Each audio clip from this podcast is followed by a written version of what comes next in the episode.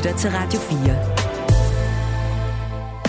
Velkommen til Ring til Radio 4. Din vært er Sylvester Guldberg Røn. Julen står for døren, og antallet af danskere, der søger om julehjælp, bare stiger og stiger. Så skal vi egentlig bruge flere skattekroner på julehjælpen? Og i Folketinget, der er der kommet en nogle sygemelding.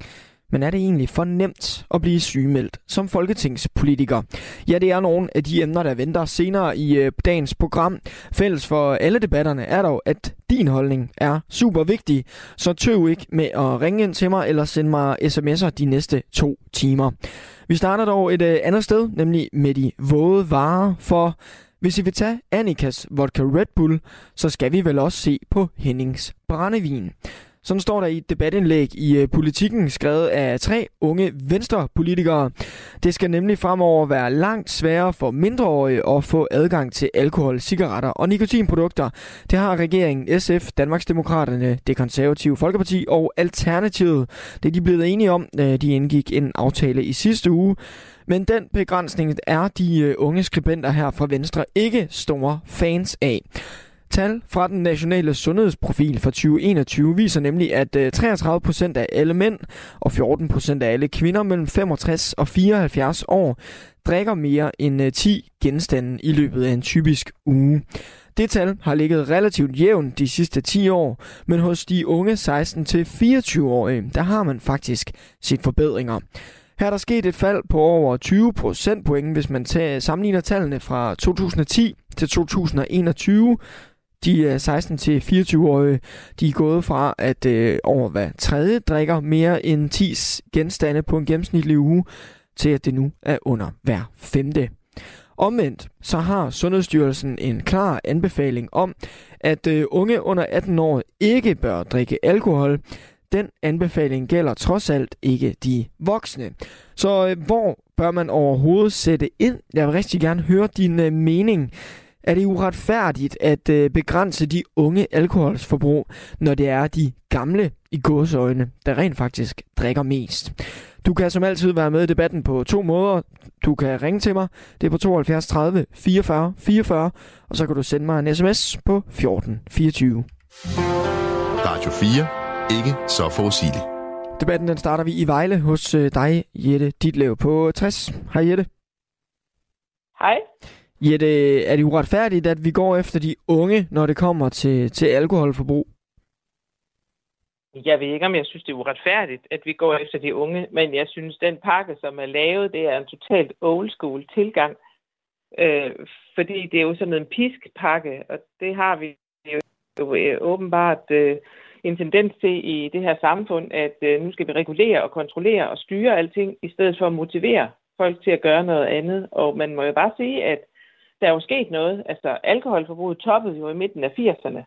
Det var da jeg var ung. Og øh, lige nu, der er vi jo så i gang med at, at styre og kontrollere noget, som måske kunne gøres på en noget bedre måde. Øh, så du, du synes heller ikke, vi burde jeg ikke piske de, de unge, eller hvad man siger? Jamen, jeg, altså, det her, det handler jo om, om man må købe noget. Og at en 16- og en 17-årig kender også en 18-årig, der kan købe noget. Vi har jo ikke forbud mod, at de drikker det. Altså derfor så går det, det, er jo en, det er jo bare en symbolpolitisk pakke, den her. Det er den ene ting. Den anden ting, det er, at hvis man virkelig vil gøre noget mere ved det her, så skal man jo tage hele rusområdet. Det er jo ikke kun alkohol, det er jo også andre øh, midler, som på en eller anden måde er, øh, hvad skal man sige, skaber en rus. Og, og det er jo de unges forbrug er jo karakteriseret ved en ruskultur. Det er også, det skriver den nationale sundhedsprofil også, hvor det måske er sådan, at de ældre har en mere nydelsesorienteret kultur. Og det her, det er mm. selvfølgelig groft karikeret, det er jeg med på. Men, men der er jo nogle sundhedsmæssige komplikationer omkring de unge. Øh, men problemet er jo, at hvis man hele tiden banker de unge oven i hovedet, øh, så får man jo ikke noget ordentligt resultat ud af det. Og her kunne man måske i stedet for have sagt, at vi byder op til dans og siger, kære unge, det her det er jo ikke særlig godt for jeres hjerne og jeres krop. Hvad synes I, vi skal gøre? Mm. Nej, i stedet for så har alle de gamle sagt, nu skal I høre, kære unge, fordi vi har jo virkelig løsning på det her, for da vi var unge, der drak vi meget mere, end I gør nu. Kan du forestille dig en, øh, en verden, hvor der kom begrænsninger på alkoholforbrug også for, øh, for voksne? For dig for eksempel? Nej, det har jeg relativt svært ved, men det er også fordi, at, at det er en væsentlig del af sociale sammenhæng, og det er det jo også for unge mennesker. Derfor så handler det jo om at finde ud af, om, om man i stedet for at kan lave den her ruskultur, får skabt en nydelseskultur i stedet for. Mm. Øh, så det bliver nogle sunde sociale sammenhæng. Og, og, og den forskning ligger der jo allerede, at det er sådan en ungdomsting, fordi det netop har den her ruseffekt. Øh, så de unge drikker ikke for nydelse, unge drikker for at få rusen. Mm. Og, og det er jo en helt anden tilgang, end det, der måske er for ældre. Men det er det, som jeg har sagt øh, flere gange. Altså, hvis alkohol bliver opfundet i dag, så bliver det sandsynligvis forbudt, fordi det er giftstof, ikke? Altså. Ja, det, vi har men, nogle... men, men det er lidt svært, fordi det er fanget tilgangen til det her, det er, om stoffet skal forbydes, om alder skal forbydes, og hvordan man så gør det. Mm. Altså, vi, vi lever jo i en forbudskultur, og øh, måske vi i stedet for at skulle leve i en frihedskultur, hvor man øh, kunne sætte folk i stand til selv at vælge på et øh, fornuftigt grundlag. Det er den ene ting. Den anden ting er, at vi måske også kan motivere folk til at træffe nogle bedre valg. Og ja, det kan man jo bede de unge om at hjælpe med. Ja, det jeg har nogle uh, ungdomspolitikere, der står og venter, så jeg skal nok uh, vende tilbage til dig lidt senere. På sms'en er der en, der skriver, grunden til alkoholafhængighed bliver lagt i ungdommen, og en anden skriver, om end der kan være det, altså Michael, der skriver det, om end der kan være noget om snakken, så findes der ikke noget værre end whataboutism. Et ynkeligt forsøg på at fordreje debatten og ikke forholde sig til emnet. Debatten om snaps i julemåneden har sin berettelse, men ikke i forbindelse med den kørende diskussion, skriver Michael. Jeg vil også rigtig gerne høre, hvad du tænker rammer vi skævt, når vi går efter de unges alkoholforbrug, når det altså er de ældre, der drikker mere ifølge statistikkerne. Du kan øh, ja, både ringe og sende mig en sms. Du lytter til Ring til Radio 4. Ring til os på 72 30 44 44 eller send en sms til 14 24. Tallene taler deres helt eget tydelige og uomtvistelige sprog. De ældre drikker mere, indiskutabelt. Så kan man jo fristes til at spørge, hvorfor politikerne igen og igen fabler om, at det er de unge, der er problematiske. Så lyder det fra tre skribenter til et uh, debatindlæg, og uh, et af dem, eller en af dem, det er dig, Søren Nørgaard. Velkommen til programmet. Mange tak. Frit valgt i politisk udvalg, som det hedder i uh, Venstres Ungdom, og også velkommen til dig, Anastasia Milters. Jo, tak. Næstformand for hovedbestyrelsen i Radikal Ungdom. Så vi starter med dig. Du mener, det er uretfærdigt, at vi går efter de unges alkoholforbrug, når det er de gamle, der drikker mest. Men det er vel også mere skadeligt for de unge? Mm, altså det, det, nu er jeg ikke læge, øh, skal jeg jo blankt indrømme, øh, men det er ikke så meget det, det handler om for mig. Øh, fordi der skal ikke have nogen tvivl om, at alkohol det ikke er sundt. Øh, jeg havde det på samme måde, da jeg snakkede om, at øh, jeg synes, det var dumt at hæve cigaretpriserne. Øh, det er heller ikke et spørgsmål, hvorvidt det er sundt eller ej. Fordi hvis det er sundhedsargumentet, vi skal bruge, så vil jeg jo stå meget fast på, at så skal de samme sundhedsapostle altså også til at sige, jamen så skal vi også forbyde sukker for folk, der er under 18. Så skal vi altså også forbyde skærmtid efter klokken 10. Så skal vi altså også forbyde koffein og alt muligt andet. Så sundhedsargumentet, det køber jeg ikke. Men, men, men altså det, det, det er mere det der med, at det er igen og igen og igen de unge, der skal banke oven i hovedet og have, og have at vide, nu kommer mor stat og fortæller jer, hvordan I skal leve jeres liv, og hvad der er sundt for jer. I stedet for, at de får lov til at træffe nogle valg selv. Fordi det kan godt være, at det ikke er klogt eller sundt at drikke alkohol, men, men, men det der med at træffe nogle dumme valg en gang imellem, det synes jeg, altså, vi skal have lov til, fordi vi har det sådan set med at lære lidt af det en gang imellem. Men Sundhedsstyrelsen for eksempel er jo ret klar i mailet. De anbefaler ikke unge under 18 at drikke det, blandt andet fordi deres hjerne ikke er udviklet det kan godt være, at du kalder det morstat, men er det ikke også en morstat, der har øh, en, en, noget sundhedsfagligt at have det i? Jo, det kan man sige, øh, men, men hvis man skal købe det Sundhedsstyrelsen, de siger, så skulle de jo anbefale at hæve den aldersgrænse op til midt-20'erne, hvor den mandlige hjerne først er ved at være helt udviklet. Så igen, jeg køber den ikke rigtigt. Og så bliver jeg også bare nødt til at påpege her, tilbage i hvad var det, slut februar, start marts 2020, der sagde Sundhedsstyrelsen altså også, det hjælper ikke en skid at gå med maske for munden i forhold til coronavirus spole seks måneder frem, så sagde de, at det var bare dødsens vigtigt og frem og tilbage. Så altså, Sundhedsstyrelsen giver altså også holdningen en gang imellem. Anastasia Milters er altså næstformand i hovedbestyrelsen i Radikal Ungdom. Er det et korrekt, øh, er det et korrekt snit, vi har lagt, at når vi har alkoholinitiativer, som for eksempel det, der kom i sidste uge, så er det de unge, der skal rammes? Det er i hvert fald et rigtig godt skridt på vejen. Altså, det kan godt være, at unge drikker mindre end ældre mennesker i Danmark, men unge er med længder europamestre i druk i Danmark. Det synes jeg er virkelig ærgerligt. Det, som jeg godt kunne tænke mig, det var, at vi fik en kulturændring og skubbet til ideen om, hvornår det er okay at begynde at drikke, og hvor meget. Og det synes jeg egentlig, det her forslag er et rigtig godt skridt på vejen i forhold til. For det her handler i virkeligheden ikke om de unge over for de gamle. Jeg synes, det handler om den fremtidige generation, og hvad det er for en alkoholkultur, de skal vokse op i. Mm. Men er der ikke noget i tallene, som siger, at de unge godt kan, kan drive den her kulturændring selv. Altså tal fra den nationale sundhedsprofil viser jo, at øh, de 16-24-årige er gået fra at drikke, eller er gået fra at over hver tredje drikker mere end 10 genstande på en uge, til det nu er under hver femte. Altså, der er sket noget. Jo, og det er en helt vildt positiv udvikling. Jeg kunne bare godt tænke mig, at den gik lidt stærkere. Og det synes jeg, det her initiativ er en rigtig god måde at gøre på. For som sagt, det kan godt være, at de unge drikker mindre end de gamle i Danmark, men i Europa drikker vi langt mere, end dem vi plejer at sammenligne os med. Så Nørgaard? Jamen, og det er, jo, øh, det, er jo, det er jo en ganske færre pointe. Det er det. Jeg tror stadigvæk bare ikke på, at det der med at hæve aldersgrænsen, det er den gyldne løsning på alt, hvad der er galt i vores samfund. Jeg tror heller ikke på, at det er den gyldne løsning at sige, jamen det er ungdom, der skal, der skal bøde. Øhm, jeg, jeg, jeg køber den ikke. Jeg tror mere, det handler om oplysning. Jeg tror mere, det handler om kampagne. Og så ved jeg godt, at Anastasia lige om lidt vil til at sige, jamen det har vi forsøgt på de sidste 10 år. Der vil jeg så påpege, ja, det har så tydeligvis også virket. Og man kan sige, hvis det skal gå stærkere, ja, det skal det da nok. Men, men hvis man føler, at det ikke virker, så vil jeg sige, jamen det kan godt være, du dumper dit kørekort første gang, men du giver jo ikke op af den grund, eller hvad? Øh, jeg dumpede mit kørekort mere end første gang. Øhm, Nå, men gav du op? Nej, det gør jeg ikke. Nej, præcis. Så kampagner, de virker jo. Mm, ja, og dog ikke. Øhm, jeg synes, at jeg synes, det er forkert at sige, at vi slår unge mennesker oven i hovedet. Jeg synes, vi rækker dem en hånd. Når jeg ser på, når jeg tænker tilbage på min egen gymnasietid, så var det meget sådan noget med, at øh, man drak fredag og lørdag. Nogle gange skulle man have en øl om søndagen, og om mandagen i skolen, så skulle man igen komme og fortælle om, hvor fuld man havde været hele weekenden. Det synes jeg er en mega ærgerlig kultur, og jeg synes, det er et rigtig godt billede på, hvordan at de unge mennesker måske godt kunne bruge et skub i en anden retning. Og det synes jeg egentlig er, er helt fint, at mor stat kommer og, og hjælper med, på samme måde som staten har alle mulige andre sundhedstiltag, som også kan virke begrænsende. Det synes jeg egentlig ikke, der er noget galt i. Der er jo ikke nogen, der forbyder unge mennesker at drikke i dag. Man siger bare, det kan være, at du skal starte med øl frem for shots. Mm. Men, Så, men, det, men det er jo low-key, der er vi på vej henad. Vi er jo på vej henad, hvis jeg hører øh, forebyggelsesordføreren for Socialdemokratiet ret, så er vi på vej hen et sted, hvor unge under 18 overhovedet ikke skal have mulighed for at kunne købe alkohol.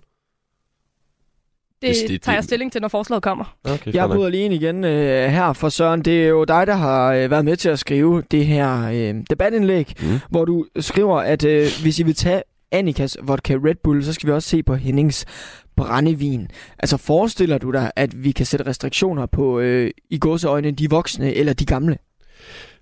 Det essensen med debatindlægget, det er overhovedet ikke at sige, at nu skal vi øh, sætte en øvre aldersgrænse for, hvornår man må købe alkohol. Så tror jeg, der er nogle ældre mennesker, der giver sig til at gå i gang med hjemmebryggerierne. Men jeg vil gerne bare lige have lov at påpege, fordi hele ideen med det, det er lige at få sat i perspektiv, hvem det er, der drikker meget af det her samfund. Og dem, der drikker meget, det er i aldersgrupperne 55 plus hele vejen op.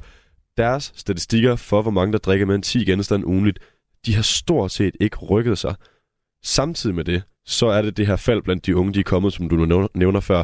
Og det er der, jeg siger, lad os nu lige få øjnene op for, at der er nogen, der rykker sig, og der er nogen, der ikke sker en skid med, hvorfor den her debat den er en lille smule fortærsket. Så, så det er mere et spørgsmål om, jeg vil gerne have nogle perspektiver på det, frem for at vi bare igen kommer og siger, det er de unge, men, og det er bare men altid starter de unge. drukken ikke i ungdommen, hvis, hvis ikke mor stat går ind og blander sig, som, som du kalder hende? Nej, det synes jeg sådan set ikke, mor stat skal blande sig i. Det synes jeg mere, der er et spørgsmål om, hvordan vi... Og det er den her kulturændring, Anastasia hun snakker om, fordi jeg er meget enig med dig i, at der skal ske en kulturændring. Jeg tror bare ikke, det her det er det rigtige værktøj at gøre det med. Jeg tror mere, det er et spørgsmål om, at vi skal lære i højere grad at respektere, at der bliver sagt nej, når vores venner siger, at de ikke vil bunde den her øl i et spil ølbowling. Eller tage det her shot, når vi står nede i byen, og man måske har det sådan lidt, ah, jeg har også lige fået rigeligt.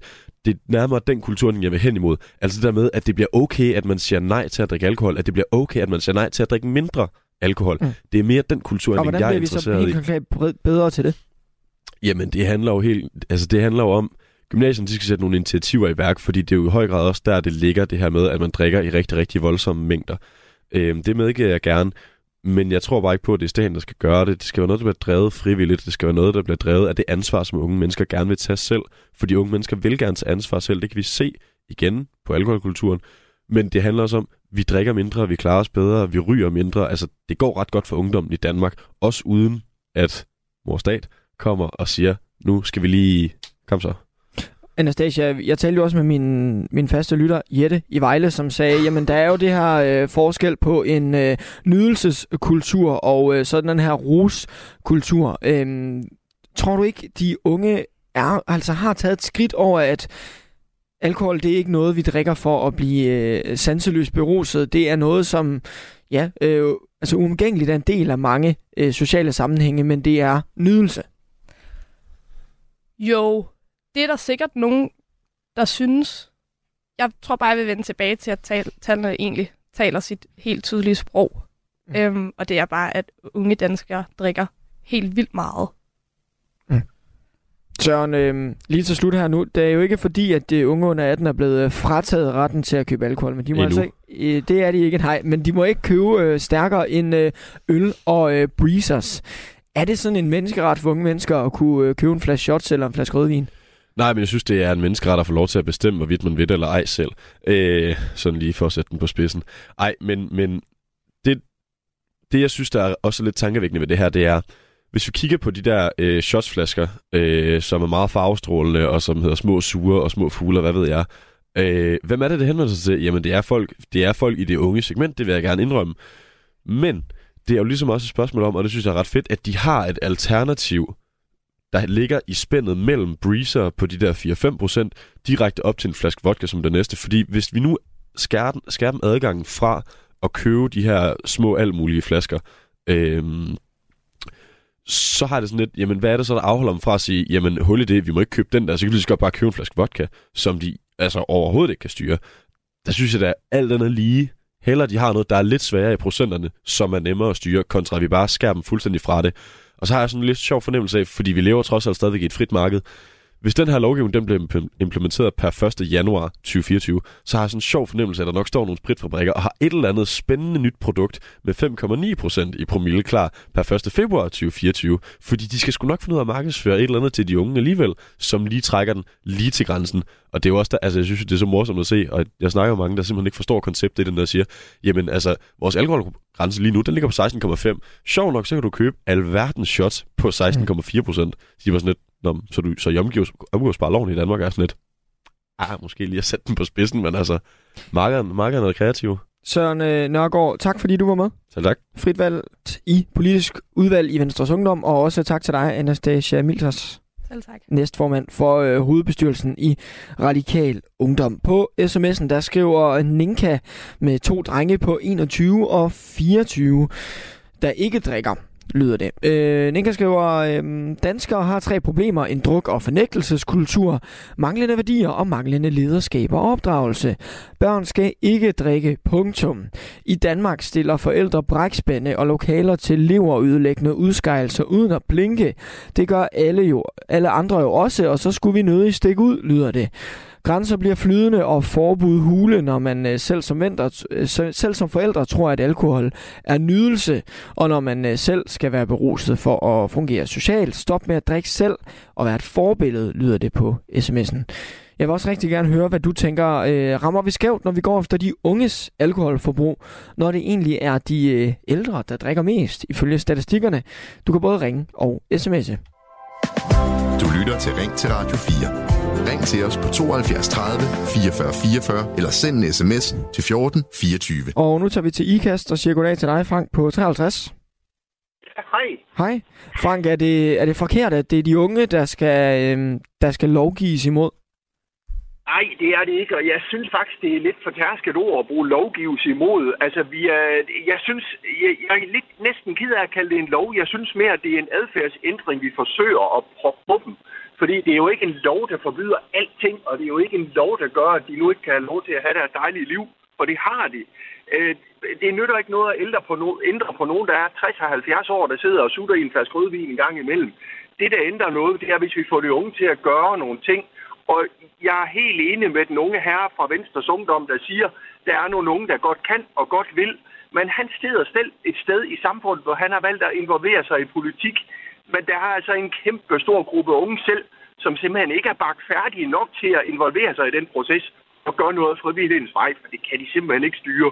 Mm. Så vi bliver nødt til at lave en lovændring, og vi bliver nødt til at ændre deres adfærd stille og roligt hen ad vejen. kan... Og så kan det være, at den lov på et tidspunkt bliver helt unødvendig, for så gør de unge det selv, når de finder ud af fornuften i det. Men, men kan du ikke, men, kan du ikke godt forstå de unge med den, alle de her øh, tal i hånden siger, på noget kig, det er ikke os, der er problemet. Lad være med at være sådan efter os. Vi, vi har faktisk øh, forbedret kulturen øh, de sidste 10 ja. år selv det, jeg kan sagtens forstå deres argumenter, og jeg vil også, altså en hver, der kommer, hvis der kom nogen i morgen og sagde, nu må du kun køre 50 km i timen på motorvejen, så vil jeg da også protestere. Altså, vi laver om på noget, som de unge, rigtig mange unge, synes er, er noget, der gør deres liv til en federe oplevelse. Og det vil der altid komme protester imod. Men vi gør det, fordi vi er blevet klogere. Vi gør det, fordi vi kan se, at det her det skaber nogle store problemer for dem senere hen i livet. Det skader deres hjerne, det skader deres udvikling. Det øger deres risiko for at blive alkoholikere senere i livet, som nogle af deres forældre jo desværre allerede er. Vi skal have det her lavet om. Og jeg køber ikke den her præmis om, at der hele tiden bliver nævnt, at det er en menneskeret at bestemme selv. Jo, hvis vi som i USA havde et samfund, hvor der var totalt ingen sikkerhedsnet, så hvis du drak dig i hegn og blev arbejdsløs, så blev du nødt til at dø af sult, fordi du ikke havde nogen til at forsørge dig. Her i Danmark, der har vi faktisk samfund, der har et kæmpestort sikkerhedsnet.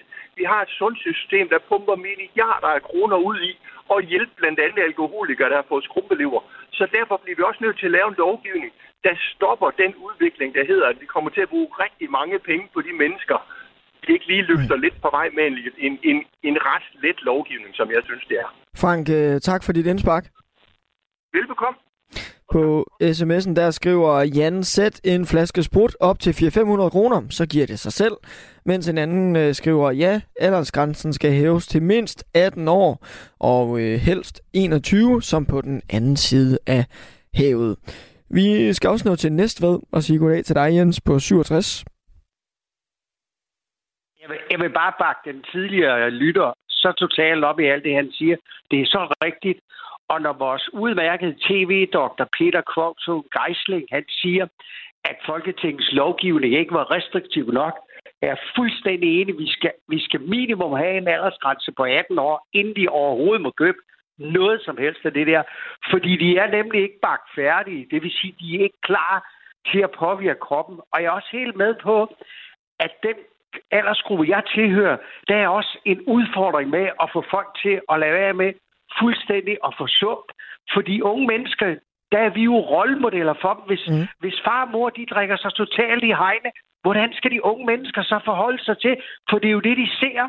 Og når der ser tingene tilstrækkeligt mange gange, så siger du, jamen det er jo sådan, det er. Så og det, det er det altså ikke. Så det kan godt være, at det primært er de unge, som øh, folketingspolitikerne har, har fokus på og, og gerne vil ramme, men, men de ældre skal også lige se sig selv i spejlet. Ja, det skal de altså godt nok, fordi det kan ikke hjælpe noget, at man sidder som folketingspolitiker og laver restriktive lov, og hvis man så ser sig selv i spejlet, og man ikke kan se andet sådan et svømmende blik, så har man jo også selv et problem, som man er nødt til at tage fat i. Øh, og, og det næste, jeg også vil sige, det er, at alt det der, øh, de der øh, øh tobaksposer, man kan købe, og nu kan man købe dem på nettet, det skal også sættes op til 18 år, inden de kan købe dem. Og man skal slet ikke kunne købe sådan noget på nettet overhovedet. Mm. Fordi hvor, hvor, hvor, så, har, så er lovgivningen jo ingen effekt, ikke også? Og når man ser de tandskader, de laver på, med det der forfærdelige tobak, ikke også? Mm. Ja, jeg kan kun ryste på hovedet. Men hvad tænker du, det kan godt være, at de unge de, de ikke har godt af det her, men burde man ikke også sætte mere ind over for de øh, ældres alkoholforbrug? Jo, men jeg synes jo, at de unge, jeg kan da godt forstå, det er jo ikke, det er jo ikke, det er jo ikke mærkeligt, at de protesterer, fordi når, vi, når, vi, når man laver en eller andet, øh, hvad skal man sige, målrettet indsats på en bestemt aldersgruppe, så ville det jo være mærkeligt, hvis ikke de var vågne, at de pipede op. Men jeg synes også, at de ældre, de, de, de bør også på en eller anden måde, fordi det er jo reelt et misbrug. Og hvis nu vi skal sige, at hospitalsvæsenet det er overbelastet, mm. jamen der er en, der har haft et massivt alkoholforbrug i 50 år, og så er der en anden, der skal opereres, som ikke har, som har haft et fuldstændig regelret liv. Hvem af de to skal først for, hvis der kun er en uh, operationsplads? Mm. Ja, jeg er da ikke i tvivl, og det tør jeg godt sige højt. Ja, det er da ham, der har levet et sundt liv, eller hende, der har levet et sundt liv. Det kan jo ikke være rigtigt, at de andre, der er totalt forsummet, at de skal optage pladsen, fordi de har kunne finde ud af livet. Jens, øh, tak for snakken. Vi har nemlig lige nogle nyheder, vi skal gøre plads til. Det er on. Det er godt. Hej. Du kan også blande dig i øh, debatten her. Mit spørgsmål til dig er, Er det uretfærdigt at begrænse de unges alkoholforbrug, sådan som regeringen og flere partier gjorde med deres aftale i sidste uge, når det altså er de gamle i øh, gåsøjne, der drikker mest. Du kan sende mig en sms på 1424, men endnu bedre kan du ringe på 72 30 44 44. Du lytter til Ring til Radio 4. Din vært er Sylvester Guldberg Røn. Og lige om lidt, der skal vi i øh, julestemningen, eller i hvert fald på en måde, for flere og flere søger om julehjælp. Og øh, i den anledning, så tager vi altså debatten. Skal vi bruge flere skattekroner på julehjælp, eller må vi bare acceptere, at det ikke er alle, der har råd til at holde den jul, de gerne vil? Den øh, debat tager vi altså lige om et øjeblik, øh, men du kan allerede nu melde dig ind i den ved at sende en sms til 1424.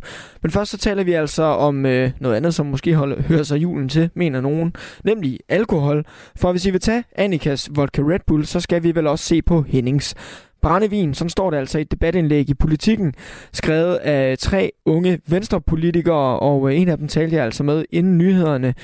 De øh, synes, det er et forkert snit, der lægges, når regeringen og andre partier i Folketinget indgår aftaler om at øh, begrænse unges alkoholforbrug, når det rent faktisk er de ældre, der drikker mere.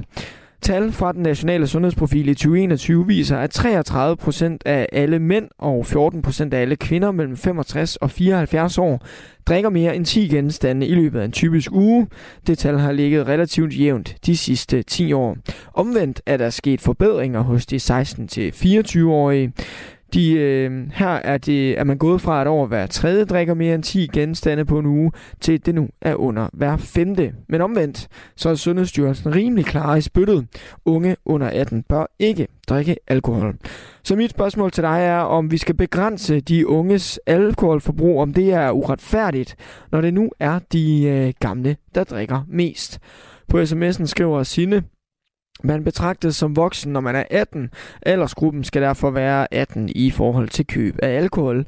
Danske unge drikker mest i Europa. Det er lavt selvværd i Norge og Island, så kan de øh, unge finde ud af det og øh, undgå at drikke så meget. Michael skriver, jeg forstår godt, de unge brokker sig. Gamle fjolser blander sig i deres liv, uden at de bliver inddraget i debatten. Måske det var på tide at inddrage netop de unge, og øh, vi alle på den måde kan blive klogere. Husker det selv fra min ungdom. Vi blev aldrig hørt, følte vi. Du kan altså også være med. Du kan ringe på 72 30 44 44 og sende en sms på 1424. Du lytter til Ring til Radio 4. Vi vender lige forbi dig, Jette Ditlev, vores faste lytter i Vejle. Nu hørte vi altså fra ungdomspolitikerne her. Blev du, øh, blev du klogere af at høre deres, øh, deres indspark? Nej, det gjorde jeg ikke. Og øh, jeg synes også, de fordrejer fakta. Altså, fordi øh, Søren siger blandt andet, at ældres forbrug ikke har rykket sig. Det passer simpelthen ikke. Altså, jeg sidder og kigger direkte på den nationale sundhedsprofil nu. Og det handler også lidt om, hvordan vi bruger statistik. Fordi den, det, vi taler om, det er andelen, der drikker mere end 10 genstande i løbet af en uge. Men det siger jo ikke noget om, at man drikker 20 eller 30 eller 40 eller 50. Det siger heller ikke noget om, hvad det er for et forbrugsmønsker, man har. Og det er der problemet i ungdomskulturen, og der har Anastasia jo ret, det er kulturen, der skal ændres. Mm. Det er jo, at man laver binge drinking. Og binge drinking, det betyder, at der kaster man, øh, om jeg så må sige, shots og alt muligt øh, i, øh, i kroppen. Og det gør man relativt intensivt på få dage. Mm. Torsdag, fredag, lørdag hvor man kan sige, måske er der nogle ældre, øh, som, og når jeg taler ældre, så er det altså 45 plus, og deres forbrug er altså også faldet med 8-10 procentpoint over de seneste 10 år. Det er lidt vigtigt at få med. Ja. Men det kan være, at de drikker et glas vin hver dag til deres aftensmad, plus måske et par ekstra i weekenden. Det svarer til 10 genstande. Så, så vi, skal, vi skal lige tale om det rigtige her. Ikke? For debatten bliver unuanceret. Ja. Så vi skal for det første have fat i, hvad er det, vi taler om her? Det er den ene ting. Skal vi lave en kulturændring, så kan vi diskutere, skal der lovgives, eller skal vi gøre nogle andre tiltag? Og der er jeg faktisk ret enig i, at det hjælper nok ikke så meget at lave lovgivning. Det er pisk. Mm. Få nu fat i de unge og få dem med ind og sige, hvordan er det, vi kan gøre noget, så vi ændrer den her kultur. Og der, der skal vi måske have flere midler i brug, men vi skal i hvert fald tale med de unge. Det er jo ikke nyt noget, at vi ikke taler med dem og spørger dem. Hvordan tror I, vi kan ændre det her, så det bliver bedre? Ja, det, jeg har lige nogle lyttere, der venter på linjen. Blandt andet Karsten øh, i Thy på 61. Hej Karsten. Jo, goddag. Carsten, skal vi, øh, skal vi til at fokusere mere på de gamle, når det handler om, om alkoholforbrug? Øh, jeg tror grundlæggende, at folk de skal fokusere, fokusere mere på deres eget liv. I stedet for hele tiden at rende rundt og, og være efter hinanden. Ja, hvad mener du med det? Det er, jo, men altså, nu er, nu er jeg, jeg er 61. Jeg er, hvad man i gamle dage kaldte alkoholiker. Mm. Øh, og ja, det er der også nogen, der har ondt over. Men øh, jeg er så ikke alkoholiker. Det, der er jo ikke noget, der hedder, hvad det hedder før i tiden, så jeg er ikke alkoholiker. Jeg er nok, hvad man vil definere som en person med funktionspromille. Men burde der blive sat mere ind over for det? Nej. Jeg har det udmærket med det. Okay. Øh, jeg fejler ikke noget. Man kan sige, at det er svært at spise suppe om morgenen, men øh, ja. øh, ellers så jeg, jeg fungerer fint med det. Ingen problemer. Men tror du, man ser de samme, øh, de samme øh, funktionspromiller, eller hvad du øh, gerne vil kalde det, blandt de unge? Altså, tror du ikke, de har... Altså, altså kunne man ikke lige så godt sætte, over, sætte ind over for, for din aldersgruppe? Øh, det, det kan jeg ikke se, hvad det skulle nytte. Jeg, jeg, jeg, jeg er nok et håbløst tilfælde. Øh, men jeg er spændt på, når jeg har doneret mit liv, mit liv til, til forskning, hvad de så kan finde ud af de kloge hoveder. Mm. For jeg tror, det har meget at gøre med, hvordan man drikker. Om du drikker jævnt, du drikker, stopper, drikker, stopper, drikker, stopper. Der, der synes jeg godt, at vi kunne få nogle kloge hoveder på, på banen mm. og undersøge det. Carsten, øh, vi skal lige videre, så tak for snakken. Mange tak for, at jeg kom igennem. Selvfølgelig. Vi skal nemlig uh, lige til Esbjerg Gære og sige goddag til dig, Ninka på 52. Hej, hej. Ninka, du har sendt mig en, øh, en sms øh, med, du siger, at du har to drenge på 21 og 24, der ikke drikker, og så nævner du tre problemer, danskerne har. Et druk- og fornægtelseskultur, manglende værdier og manglende opdragelser. Mm. Ja. Vil, vil du uddybe det? Det vil jeg gerne. Altså, jeg synes, øh, når jeg kigger mig omkring i Danmark, så synes jeg faktisk, at det, jeg, giver den forrige lytter ret, vi skal virkelig kigge ind bag øh, haveloven her, fordi vi har et, et virkelig, virkelig, virkelig afslappet forhold til alkohol i Danmark. Øh, sidste år i marts, der var der en ung dreng på mine, mine sønners alder, som døde, og det sker næsten hvert eneste år, fordi han blev for fuld, og der er ikke... Øh, og han var meget ung, og hans mor er ulykkelig i dag over den drukkultur og over det, at børn bliver sendt i byen. Og, øh, mm. og vi skal simpelthen vi skal sige øh, fra, og det kan godt være, at vores børn drikker alligevel, men hvis ikke der er nogen grænser, så skal de bryde dem endnu vildere, øh, til en endnu, endnu vildere ekstrem. Så det starter med os voksne. Det starter med, at vi, øh, vi synes, det er fint det der med, at nydelse, det, øh, det handler om at, at drikke alkohol, og når vi går ud og fester, så skal der også drikkes alkohol. Nu kommer julefrokostkulturen, så skal vi alle sammen ud og være utro og drikke os totalt lamme. Og jeg, øh, jeg ser en kultur i, øh, i men, en gruppe af unge, der handler om, at det faktisk er pinligt. Men er det ikke det også er... lidt nogle skræmmebilleder, man kan, man, man, kan tale, øh, man kan læse ind i tallene? Altså, som jeg snakkede med Jette om, som siger, jamen det her er 10 genstande for et, et voksen menneske på en uge. Det kan jo være et, et glas vin til aftensmaden hver aften, og så lidt mere i, i weekenderne. Og nu snakker du om julefrokostkultur, der hurtigt går over i, i snaps og utroskab. Altså, kan ja, det man, kan jeg godt forstå. Kan man ikke godt læse nogle skræmmebilleder ind i nogle tal? jo, og tak fordi du siger det. Vildt dejligt eksempel, fordi at hvis, hvis man sætter sig ind i, i, hvad alkohol gør ved kroppen, så er det en til to genstande, to genstande er en dag i overkanten i forhold til, hvad er grænsen for, hvornår det begynder at blive skadeligt. Så en genstand, en genstand om dagen betyder, at kroppen ikke kan afgifte hormoner den dag. Mm. Så, så hele det der med hygge, hyggecelledestruktion, Altså det tror jeg også, vi bliver nødt til at gøre op med 10 genstande om, om ugen, er også for meget. Øhm, og jeg kan høre på de unge, at det virker virkelig som om, at de vågner op, og jeg tror, vi skal lære, at dem som gamle røvehuller her, der sidder, altså jeg sidder nu med den generation, min forældres generation, hvor de alle sammen har demens på grund af hele det der rødvinshygge. Øhm, det er ikke et ufarligt hyggemiddel det er, øh, det er ekstremt giftigt. Det er Men der er, vel, der er vel trods alt også mange, som drikker alkohol øh, i løbet af deres liv, som ikke bliver demente, for eksempel. Ja, det er der. Er det ikke farligt at sætte lighedstegn mellem de to ting? Nej, det er det ikke. Det, du kigger på tallene i forhold til demensudviklingen og hvor mange, der får det. Mm. Kig dig omkring måske i din omgangskreds og se, hvor, hvor godt det står til med de gamle. Altså lige så snart vi når op i, i 70, 60, 70, 80 års alderen, så ser det altså ikke kønt ud. Men i forhold, i forhold til, hvor vi skal ligge snittet, altså hvem, skal vi, øh, hvem skal vi ramme, så at sige? Er det, er, det, er det så alle? Altså er det både de, de, de unge og de gamle, der, der, bør, øh, der bør få lidt sværere ved alkohol? Hvad, hvad tænker du på, når du siger lidt sværere ved altså, alkohol? Altså for eksempel altså, nu mener... har de jo sat restriktioner på, øh, så flere restriktioner på de unges forbrug. Jamen alt det der politiske stat, og, og, og, og, og jeg er enig i det der med forældreskab i staten, det, det har vi rigeligt af i forvejen. Vi bliver nødt til at ruske op i egen røv her, og mm. så tage ansvar selv. Men det er virkelig, virkelig vigtigt, at forældre lader være med at drikke, og især lader være med at være fulde i, forhold, i, i, i foran øh, deres egne børn. Det er noget, det mine egne børn siger. De siger, det har reddet deres liv og deres ungdom og deres krop, at jeg sagde nej, selvom de havde det dengang.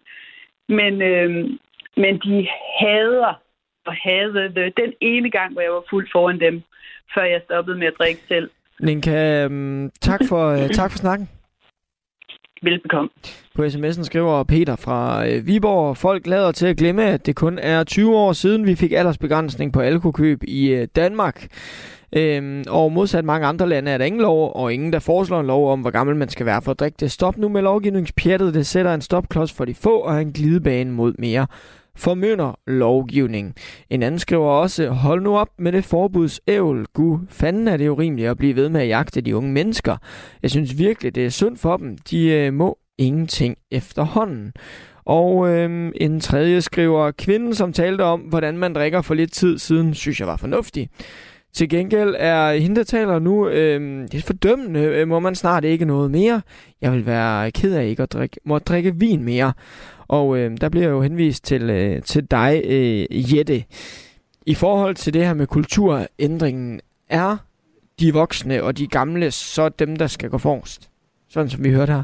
Ja, ja det er de. Mm. Og, det, og det er jo fuldstændig tydeligt også, at forældre, der har klare holdninger til alkoholforbrug og laver regler for deres børns forbrug, det gør, at de børn, de drikker mindre end forældre, som er så at sige ligeglade og som ikke har holdninger. Så det er den ene ting. Og det viser jo også blot, at det her, det handler jo om, at man i det nære miljø skal have den her snak og have den her, øh, hvordan skal jeg kalde det, regelsætning og normsætning og kultur omkring det. Øh, og, og så tænker jeg, at det, der egentlig er nøglen til det, det er jo mere at sige, jamen, hvordan er det, det påvirker dig? Hvordan er det, I har i nogle relationer i jeres ungdom sammen? Og hvorfor er det, at det er sjovt og ikke sjovt? Og der, og der kan man jo bare sige, at det der med at drikke ved samme lejlighed, altså hvor meget man drikker ved en lejlighed, der er det 110 procent dokumenteret, at de unge, de kaster alkohol i kroppen, øh, hvor det er mange genstande ved samme lejlighed. Langt flere, end det er i de ældre generationer. Og det er jo det, vi skal have fat i, fordi det er det, der ikke er særlig sundt. Det, det er jo ikke, fordi det er voldsomt usundt, at man drikker et lille glas rødvin til sin aftensmad på en torsdag. Men det er jo ikke det, unge mennesker gør. Mm. Og det er jo den kultur, vi skal have fat i. Så jeg synes, at vi skal prøve at tage en alvorlig snak med de unge omkring den kultur, som de gerne vil have. Og der er jo også unge, som er kulturbærere ind i det her, hvor de netop ikke drikker. Vi har hørt nogle eksempler også nu her i dag. Mm. Og jeg synes jo, det er fantastisk, at der er nogen, der kan gå foran i det her, og så sige, hvad gør vi så i stedet for? Hvordan kan vi have det skide sjovt sammen, uden at vi drikker til hegnet? Jette, tusind tak, fordi du vil være med i øh, vores alkoholdebat her. Velbekomme. Man har en død mand i badekar på et hotelværelse. Krimiland genåbner sagen om et mystisk dødsfald i toppen af tysk politik. Der er ikke nogen som helst sådan umiddelbare synlige indikationer i retning af, om han er blevet myrdet eller om han er begået selvmord. Genstand for genstand gennemgår Christoffer Lind og Anders Oris hotelværelset for spor. Livet er påklædt. Barsel, han har skjorte og slips på. Hvis vi begynder med at fokusere på badekart og på livet, så har han ikke sine sko på. Han har ikke nogen sko på. Lyt til Krimiland om Uwe Barsel i Radio 4's app, eller der, hvor du lytter til podcast. Radio 4. Det her, det, øh, det vil blive et mysterium. Ikke så forudsigeligt. Julen banker så småt på døren. Julegaveræset er begyndt for nogen, og inden længe så skal der også bruges penge på and, rødkål, snaps og hvad der ellers skulle høre sig til. Men det er ikke alle, der går øh, lige ned til den gode slagter eller i magasin og svinger dankortet, når gavelisten skal krydses af. En række hjælpeorganisationer har i den seneste tid berettet om rekordmange familier, der har søgt om julehjælp i år. Senest Dansk Folkehjælp, der i går kunne berette, at 21.544 danske familier har øh, søgt om julehjælp i år, og det er altså 2500 flere end sidste år.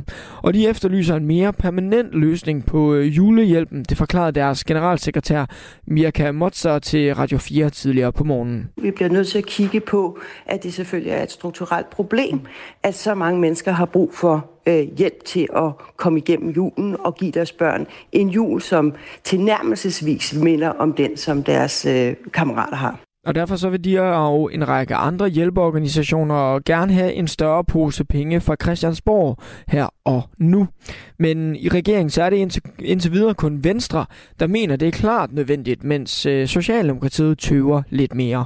Øhm, øh, jeg, jeg vil ikke sidde og, og love noget her i radioen, men jeg ved jo, der ikke er, der er jo ikke nogen politikere, der ikke øh, følger med i den her udvikling og ikke går op i, at børn skal få øh, en god jul, eller familier skal få en god jul. Men, men jeg vil ikke sidde og love noget her på, øh, på Landstækkende Radio. Sådan sagde Maria Durhus, der er øh, folketingsmedlem for Socialdemokratiet og medlem af Socialudvalget, da hun var med i Radio 4 morgen tidligere i dag. Og det er altså det, jeg gerne vil høre din mening om. Skal vi bruge flere skattekroner på julehjælp? Eller må vi acceptere, at det ikke er alle, der har råd til at holde den jul, de gerne vil? Ring ind til mig og vær med i debatten. Det er på 72 30 44 44 som altid. Og sms'en er også åben. Det er på 14 24. Du lytter til Ring til Radio 4. Og nu skal vi øh, til Ringkøbing og sige goddag til dig, Janette Tidemand på 43. Hej så. Hej Janette. Synes du, vi skal bruge flere skattekroner på julehjælp? Og den er bare, altså den er jo svær, fordi at, øh, jeg kan godt forstå, øh, at øh, vi skal gøre alt, hvad vi kan for at hjælpe børn og andre i Danmark til at få en bedre jul, så vi alle sammen er ligeværdige på det område. Men der er også bare så mange andre områder i velfærden, hvor vi har brug for, for at støtte. Øh, kunne vi sende rigtig mange penge afsted, så skal vi absolut gøre det. Men, men det er jo det der med, hvordan deler vi pengene? Hvordan hjælper vi flest muligt? Men jeg synes absolut, at, at det kunne vi, så skulle vi gøre det. Ja, og, og hvorfor det? Hvorfor er det så vigtigt at kunne holde en, en, en gåsøjne rigtig jul? Og, og hvad er det i øvrigt? Jamen, det er jo det her traditioner. Vi, øh, det er en tradition, vi har i Danmark. Det er en del af vores øh, tro. Øh, det er en del af vores fundament i Danmark, det er at holde den her jul. Øh, og det formindsker også øh, forskellen i klasserne. Øh, det formindsker mistrivsel blandt børn. Den der følelse af at være en del af julen har en stor betydning. Så derfor skal vi jo selvfølgelig gøre noget ved det. Har du selv prøvet øh, det med at ikke at have så mange penge til jul, som man måske gerne ville have haft? Ja, det har jeg. Altså alle har jo prøvet. Jeg tror jo, alle på et eller andet tidspunkt kommer igennem den her proces, hvor man ikke har så mange penge, fordi enten så øh, er man uden arbejde, eller så er man ved at studere, eller øh, så, så alle prøver jo det her med ikke at have penge til jul. Men der er bare forskel på ikke at have penge til jul, hvor man har lidt færre, eller stå ude på bagkanten, som vi snakker om nu, hvor folk skal have julehjælp, fordi der bare ikke er penge til det overhovedet. Mm. Men kan det ikke også være noget, noget selvforstærkende i, at jo, jo mere julehjælp, der kommer, så søg... Altså, jeg, jeg kan lige prøve at øh, læse en sms, jeg lige har fået, hvor der står, folk kan godt selv betale for jul, men fordi julehjælpen er der, så søger man. Sådan var det for mig selv på kontanthjælp. Jeg kunne egentlig godt uh, selv klare udgiften, men søgte. Så altså, hvis man støtter mere, så er der også flere, der søger. Sådan vil det jo altid være. Sådan er det jo på alle områder. Øh, er der mulighed for at få støtte, så er der jo nogen, der søger, selvom de godt kan klare sig selv. Øh, men det skal jo ikke holde os tilbage til, øh, for at hjælpe dem, som virkelig har behovet. Mm. Janette, jeg vender tilbage til dig øh, senere, og du kan også blande dig i debatten. Synes du, vi skal bruge flere penge på julehjælp, altså skattekroner, eller må vi acceptere, at det ikke er alle, der har råd til at holde lige præcis den jul, de øh, drømmer om? Du kan både Ring til mig og send mig sms'er. Du lytter til Ring til Radio 4. Ring til os på 72 30 44 44 eller send en sms til 14 24. Dansk Folkehjælp er ikke de eneste, der oplever en stigning i øh, ansøgere til julehjælpen. Blå Kors meldte i forrige uge ud, at de havde modtaget rekordmange ansøgninger i år. Sammen med en række hjælpeorganisationer, der har de derfor lavet et opråb om, at der er behov for at tilføje flere penge til julehjælpen fra politisk side. Og det opråb, det kommer altså blandt andet fra dig, Morten Skov Mogensen. Velkommen til. Ja tak, jo det er korrekt. Vi Genera- har sendt et opråb. Ja, generalsekretær i øh, Blå Kors Danmark. Hvorfor har I sendt opråbet afsted? Hvorfor skal I have en større pose penge fra Christiansborg? Ja, men det er som ikke os, der skal have en større pose penge, men vi kan jo tydeligt se, at når, når vi allerede øh, tidligt i, i det af øh, åbningen for ansøgninger til julehjælp øh, oplever rekordmange, altså øh, markant flere end sidst, ja, så ser vi et, et, et meget stort behov, og det bekræftes egentlig af de mange familier, altså udsatte familier, vi er i kontakt med derude, at, at man er simpelthen mere presset øh, i år, end man har været tidligere. Og, og det skyldes jo nok blandt andet øh, de prisstigninger, vi så øh, først på året og, og hen over året her, øh, som, som ikke er fulgt med øh, øh de altså kontanthjælp, man har fået, som man typisk er på i nogle af de her familier. Så, så der, man, er, man er virkelig under pres. Hvor mange kroner skal I have? Jamen det vi øh, oplevede sidste år, det var jo, at politikerne ret hurtigt kunne se, at, at det var en uholdbar situation, at så mange øh, familier, og, og vi, vi snakker jo igen ikke om, om ekstravagant jul, vi snakker om meget, meget basale, små tilskud til, til det bare at kunne øh, måske få gaver, eller, eller øh, spise lidt, lidt god mad, øh, eller lidt bedre mad som sådan.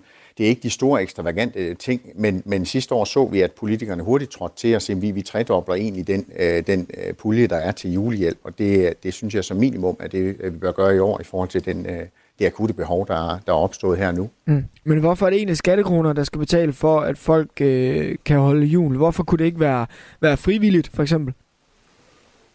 Jamen det er det jo heldigvis også. Altså vi oplever jo heldigvis, at der er mange, øh, der tænker, jamen vi, vi har egentlig, hvad vi skal have, og vi kan godt undvære lidt, og så, så indbetaler man, og det, og det går jo direkte videre til, til de familier, der har brug for det. Vi oplever virksomheder og fonde, som, som bidrager også. Men jeg synes også, at der ligger et politisk ansvar for, at vi faktisk har øh, en, en, en forholdsvis stor gruppe af mennesker, altså over 50.000 børn vokser op i, i, i fattigdom i Danmark, øh, at man også tager den situation alvorligt, øh, og man kan levende forestille sig, hvordan det er at, mm. at, at komme i skole øh, og har oplevet øh, måske ikke noget ud over, hvad man ellers øh, plejer overhovedet. Og alle de andre har både fået, fået gaver og, og, og spændende julearrangementer osv. Men, og det er jo den situation, vi gerne vil prøve at afbøde en lille smule. Men hvorfor lige julen? Hvad med nytår og påske og fødselsdagshjælp og, og sådan nogle ting? Altså hvis, hvis det er den her hjælp, der skal til for, at øh, det giver noget ekstra glæde, hvorfor skal det så kun være forbeholdt julen? Man kan vel øh, sige, at, at ja, julen her bliver et symptom på noget, man også skal tage alvorligt. Og det, det er jo sådan en mere langsigtet del af, at, at det burde jo ikke være sådan, at, at, øh, at, at der er børn, der vokser op øh, i, i, i fattigdom, hvor man faktisk har brug for sådan en julehjælp. Men når nu situationen er sådan, så må vi også konstatere, at vi, vi øh, i det danske samfund, der fylder, der fylder julefejring og juletradition øh, rigtig meget, og vi starter jo allerede efter øh, efterårsferien med at pynte til jul, og så fylder det ellers rigtig meget. Det, det er en væsentlig del af, af, af den øh, måde, vi lever på i Danmark, det er, at vi, vi fejrer jul. Og derfor er der også et behov for som, øh, som øh, barn øh, i, i sådan en familie, at man også bare oplever noget af det samme, øh, og ikke føler sig endnu mere stigmatiseret, end man måske er i forvejen, som, øh, som øh, altså med en opvækst i en, i en, øh, i en udsat familie. Jeg fik jo lige en sms før, som jeg også gerne vil forholde dig. Jeg kan lige læse den op igen, hvor der står, øh, folk kan godt selv betale for julen, men fordi julehjælpen er der, så søger man. Sådan var det også for mig selv på kontanthjælp. Jeg øh, kunne egentlig godt selv øh, klare den udgift, men jeg søgte alligevel. Er det her ikke også, øh, altså hvis julehjælpen bliver større og større, bliver altså problemet og behovet så ikke også større og større?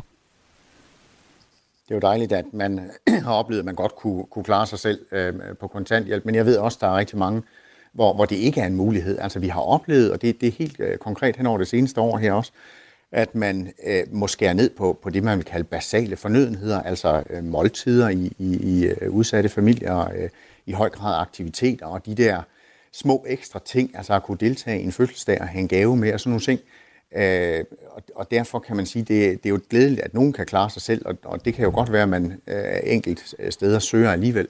Men jeg ved helt konkret, at der er en, en lang række af familier, som, som ikke har noget mm. ekstra, øh, og kunne, kunne hverken give en lille gave eller, eller købe lidt ekstra øh, mad til, til jul. Øh, så, så det er ikke ekstravagante forhold. Det, det vi deler ud i, i Blå Kors, øh, det er et gavekort på 500 kroner øh, til, til Lidl og 200 kroner til, øh, til genbrug. Så, så det er jo ikke noget, der sådan øh, gør, at man kan holde en ekstravagant jul på nogen mm. måde.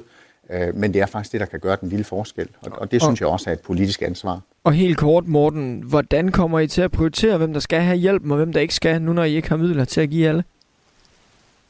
Jamen, vi håber selvfølgelig at få øh, midler, og det kan jo både være fra, fra private, øh, der, der donerer, øh, og, og så kan det også være det fra det politiske niveau. Men, men vi kigger jo dels på, at om man er på overførselsindkomst, om man er eneforsørger, og så også om man har børn. Og, og det, det bliver øh, udvælgelseskriterierne. Og så ved vi godt, at der sagtens kunne sidde flere, som også har brug for det, men det, det kan være, at vi ikke har, har midler at dele ud, men vi deler simpelthen alt ud, hvad vi, hvad vi får ind, fordi behovet er der, det er der ingen tvivl om. Morten Skov Mogensen, tak for snakken. Selv tak. Altså generalsekretær i Blå Kors Danmark, der gerne ser flere skattekroner, der går til øh, julehjælpen. Og det vil jeg altså også gerne høre, om du synes er en god idé, eller om vi i stedet må acceptere, at det ikke er alle, der har råd til at holde den jul, de gerne vil. Vi taler altså om det, fordi der igen er rekordmange ansøgere til julehjælpen. Du kan blande dig i debatten på to måder. Du kan sende mig en sms, men endnu bedre, så giv mig et kald 72 30 44 4 lytter til Ring til Radio 4.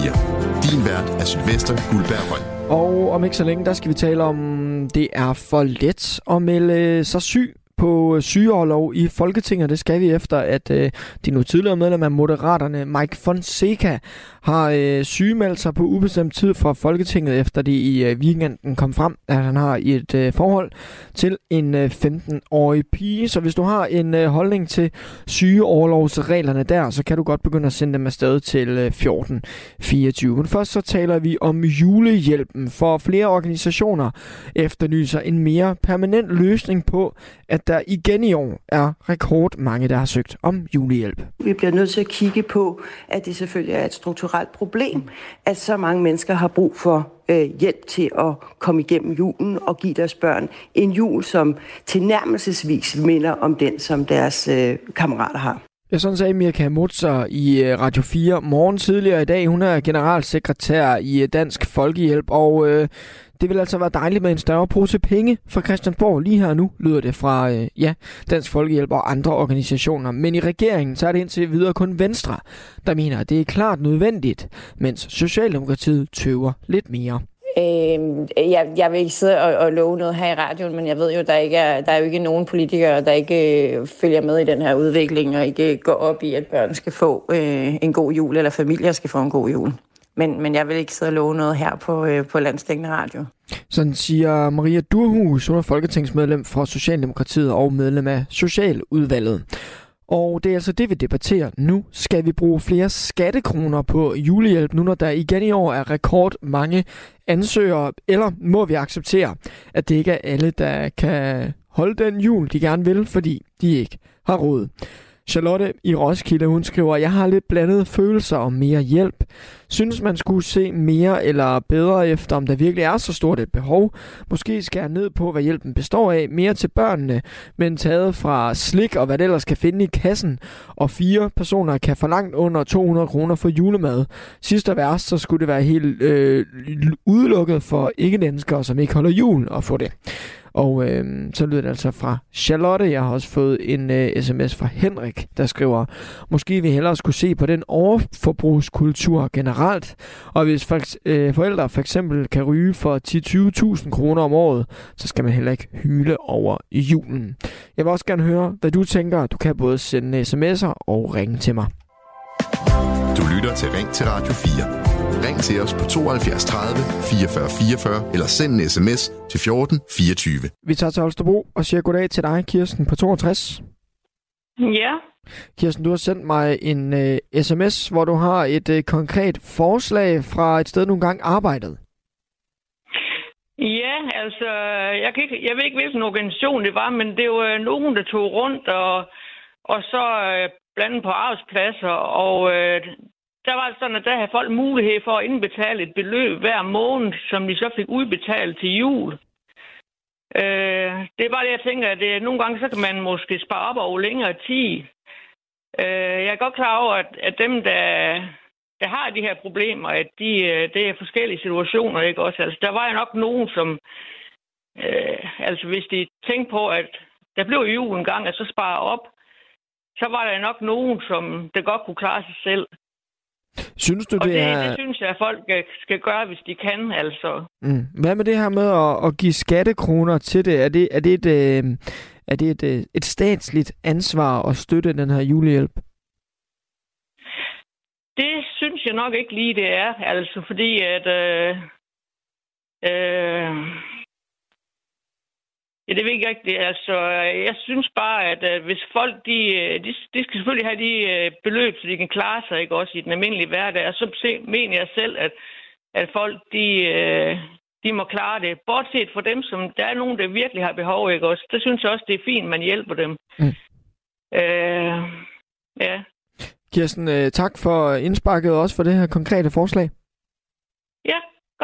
Hej, hej. Socialdemokratiet, de vil altså ikke love noget. De vil til gengæld gøre andre ting øh, for at løse problemet stu- strukturelt, som forklarer Marie du- Maria Durhus fra Socialdemokratiet, da hun var med i Radio 4 morgen i dag. I forhold til den nye kontanthjælpsreform, øh, kan man sige, der går vi jo ind og sikrer børnene og, og, og forsørgerne øh, langt mere, end vi har gjort tidligere. Øh, der, kommer også, øh, der er også kommet et, et skatteudspil, hvor man kan sige, at vi går ind og giver øh, Øh, en markant øh, skattelettelse til enlige forsørgere med, med, med, øh, med, med jobs, øh, som ikke er højt lønnet øh, på beskæftigelsesfradrag. Så jeg synes jo egentlig også, at vi, vi gør noget. Hjælper det lige akut lige nu? Nej, det, det gør det ikke. Men, men jeg synes også, det er vigtigt at kigge ind i, at vi bliver nødt til at lave langsigtede planer for de her familier, så vi ikke står hvert år og har så mange familier, som, som føler sig nødsaget til at skal søge julehjælp. I år er der afsat øh, 5,4 millioner kroner til julehjælpen fra øh, Christiansborg, og det er cirka det niveau, de ligger på hvert år. Øh, det er altså en ansøgningspulje, der har været afsat siden 2019. Sidste år, der blev der dog givet næsten tre gange så meget på 15 millioner var julehjælpen der. Det besluttede et bredt flertal, blandt andet på grund af de stigende priser, vi så sidste år. Det var øh, på sms'en er der en, der skriver, det er gået helt over gevind med julehjælpen. Giv folk mad, men man skal da ikke have kontanter. Det er et kæmpe misbrug af skattekroner. Det er ikke et øh, politisk øh, ansvar. Og der skal det lige øh, siges, vi jo talte med Blå Kors lige før, som heller ikke giver kontanter på den måde. De øh, giver et gavekort på 500 kroner til Lidl og et øh, gavekort på 200 kroner til genbrugsbutikker. Nu skal vi til Vejle og sige goddag til dig, Henrik, på 43. Ja, goddag. Henrik, du har også sendt mig en sms, hvor du nævner noget med, øh, at vi skal kigge på overforbrugskulturen generelt i stedet. Ja, og jeg, altså jeg vil godt moderere mig selv lidt i forhold til, at det kommer til at lyde lidt hårdt også i forhold til det med forældre, der ryger og sådan noget. Men, men jeg synes egentlig, det, det som er problemet, det er, nu har du lige selv sagt, at puljen i år, den var på 5,4 millioner. Og det, det synes jeg jo, det er et forsvindende lavt tal, når man lige har været ude af bryst sig at give, øh, give skattelettelser for øh, enten så er det 7 milliarder eller 10 milliarder, alt efter om de tager det der øh, tilbagekørsel med og sådan noget. Ikke? Så jeg, jeg synes egentlig, at hvis man reelt havde et ønske om at gøre noget for folk, som har problemer med økonomien og er lavt lønnet, så skulle man jo have givet nogle, øh, nogle skattelettelser i bunden eller på beskæftigelsesfradrag, som kunne mærkes for alle. Øh, men altså generelt, så synes jeg, det er et problem, at vi lever i et samfund, hvor, hvor forventningerne det er, at, øh, at vi ikke har haft en god jul, hvis vi ikke har fået gaver for 5.000 kroner, eller vi ikke har været ude at rejse tre gange om året. Øh, det, det, det synes jeg, det er det, der er problemet, mere end at det er problemet, at der er nogen, som øh, har brug for hjælp. Men, men, men er det virkelig, er, er det det, kulturen hedder? Altså, når, når Blå Kors, de vil give et gavekort til Lidl på 500 kroner og øh, til en genbrugsbutik på 200 kroner, er det med til at skubbe til overforbrugskulturen? Nej, nej, altså det, det, det synes jeg overhovedet ikke, men jeg mener mere, at, det, at problemet er jo, at vi, at vi kulturen i samfundet i Danmark, der har børn i skolerne sådan generelt en forventning om, at de skal have været på vinterferie, de skal have været på sommerferie, de skal have nogle øh, vildt fede julegaver og fødselsdagsgaver, og der skal ikke mangle noget som helst. Og det er mere det, jeg mener, at forventningerne til, hvad det vil sige at holde en jul, eller hvad det vil sige at være på ferie og sådan noget, de er simpelthen blevet skruet op på et niveau, hvor, hvor folk i de laveste indkomster, de kan jo slet ikke være med. Så, skatte, så, så skattekronerne bør holde sig, øh, holde sig ude af det, hvis man kan sige det sådan. Der skal ikke flere skattekroner med til at, at presse på en overforbrugskultur. Jo, altså for min skyld må de gerne give, uh, give 10 gange så meget til det altså i, i skattekronerne. Det er egentlig ikke det, jeg har ondt over, men, men jeg synes, at, at det vil være meget mere, altså hvis man gør noget for folks selvfølelse, som er i bunden og sådan noget, så i stedet for at give almisser, hvor forældre skal ned og stå, for jeg nægter simpelthen at tro, at der er nogen, der synes, at det er pisse fedt at skal ned og bede om et gavekort til Lidl og en genbrugsbutik. Så i stedet for at gøre det på den måde, for at de kan få 700 kroner i almisser til jul, når det er sådan, de er nødt til at ansøge om det, så giv dem dog nogle, øh, lønninger eller nogle, øh, nogle skattelettelser i bunden, som gør, at de ikke skal stå med hatten i hånden, men faktisk bare kan få lov at beholde deres egne penge, og så rent faktisk bruge dem på det i stedet for. Henrik, øh, tak fordi du vil tale med mig. Ja, selv tak. God dag. I lige måde. David skriver på sms'en, jeg har måske en hård holdning med hensyn til jul og så videre, men tæring efter næring, har du råd, kan du få, har du ikke, så må du gå. Måske folk skal lave sig en opsparing, skriver David. Vi tager til øh, Odense og siger goddag til dig, Allan, på 74. Ja, goddag. goddag. Ja, det er kort for det er lige på falderæbet for med min øh, telefon er ved at gå ud. Nå, for. Øh, det er, det er at, øh, at, at, at hvorfor skal jeg være med til at finansiere en hel masse? Kan du høre mig? Jeg kan sagtens høre dig. Hvorfor synes du, det er unfair? En hel masse af de dyre gaver, som børn de kræver i dag. Dengang jeg var barn, der var det meget, mere nøjsomme. Og der var der råd til det. Men altså, folk, børnene, børnene de skal have, have app og skærm, og jeg ved ikke hvad i dag. Det kræves det jo i dag. Og, det, og, det, og man skal spise dyr med. Det går ikke. Det er ikke mig, der skal finansiere det. Men tror du, dem, de her familier øh, søger om julehjælp, bare fordi de kan? Jamen, det må de selv om. Altså, så må de private, øh, private organisationer og fronte, så må de skulle, så må de skulle slå til. Mm. Det skal ikke være mine penge, de skal bruge til det der. For altså, jeg, jeg har ingen børn, og jeg, og jeg har og jeg, jeg lever selv i en ret nøjsom, nøjsom tilværelse. Og jeg kan ikke se, hvorfor jeg med, med, med mine midler skal være med til at finansiere alle, alle mulige andre ting. Men, men er det ikke også øh, er det ikke også lidt hårdt at, at sige, at de bare tager øh, hjælp? Altså, det kan jo være, at de sidder og vender hver en krone i løbet af året, for at få det hele ja. til at hænge sammen, og så kommer december, hvor udgifterne så bare i øvrigt er højere. Ja, men så må de, lade, så må de, altså, så må de moderere deres juleforbrug. Mm. Ja, det gør, jeg, jeg modererer mit forbrug hver, hver hele året rundt. Også, også, også ved jul. Allan, øh, vi nåede det inden øh, telefonen gik tør. Tak for snakken. Selv tak.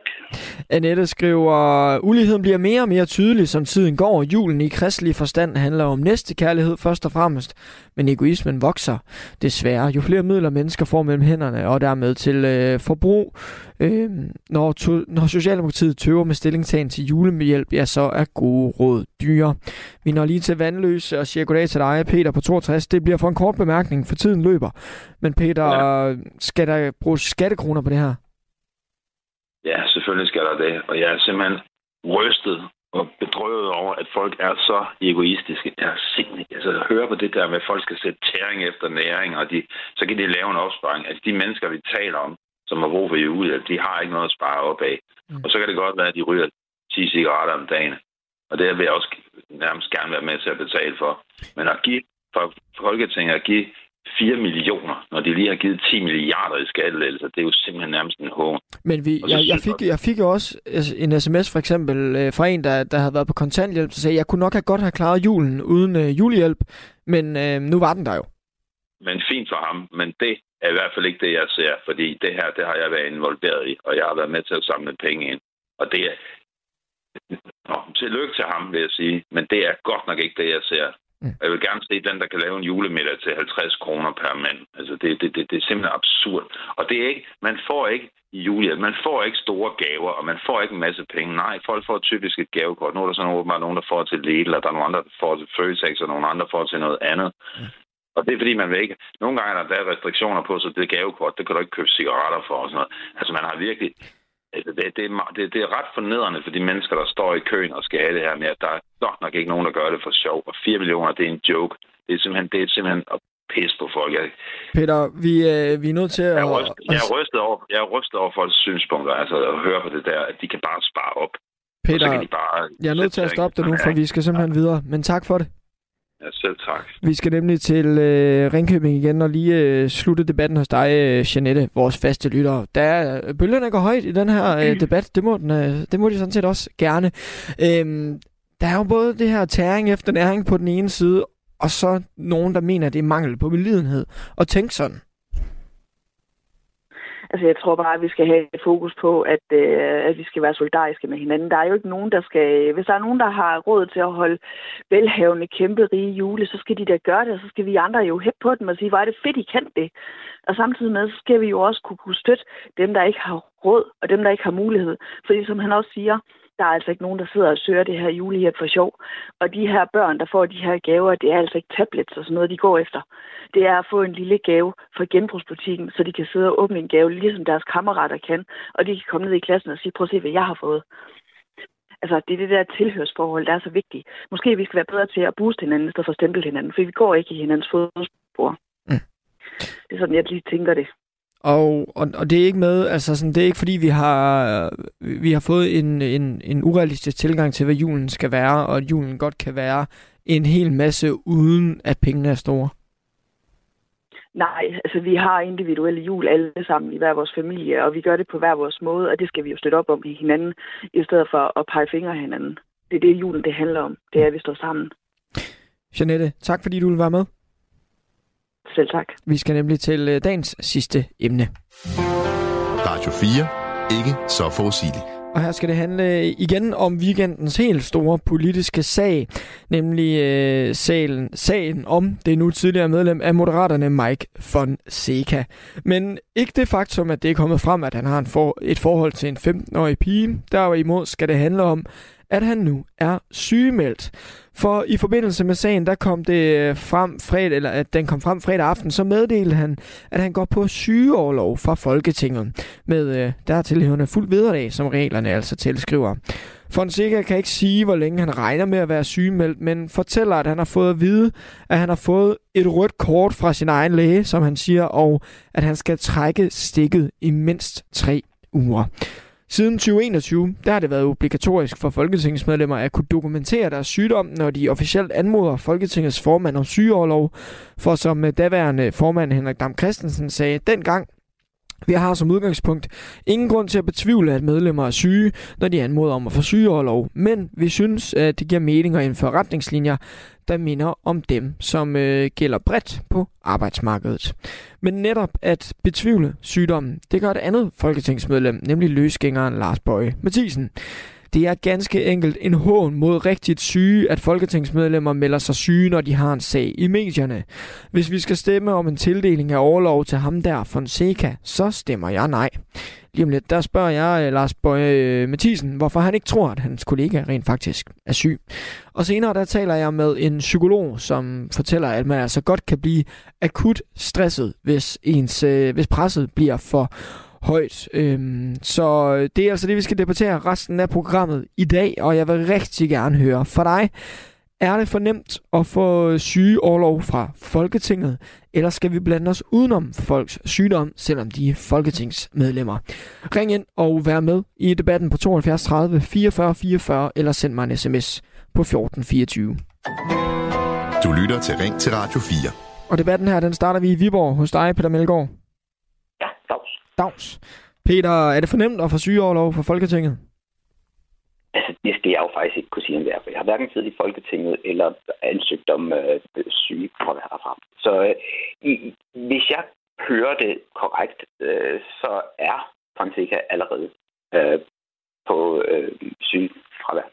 Øh, og har bare sagt, at hans læge har givet ham et rødt kort. Øh, er det blevet behandlet af Folketinget? Var det ikke noget med, det skulle det? Øh, jeg ved ikke, altså hvis man bare kan sige det, og så gå sin vej, øh, og det ikke skal behandles, så er det måske for nemt, hvis loven ellers siger noget andet. Og det er jo ikke, det er jo ikke første gang, at vi, vi hører om de her sager med folketingsmedlemmer, der, der, der syge melder sig. Øhm, jeg, der er nok nogen, der mener, at der går sådan lidt inflation i det. Kan du forstå det argument? Jo, helt sikkert. Altså særligt, når vi så ser en, en politiker, øh, som har, har været øh, væk i et halvt års tid, og så komme tilbage og så sidde og måske egentlig på nogen beskylde ham for at trille, to- trille tommelfingre i to måneder, indtil han kan hæve sin ministerfunktion og gå sin vej.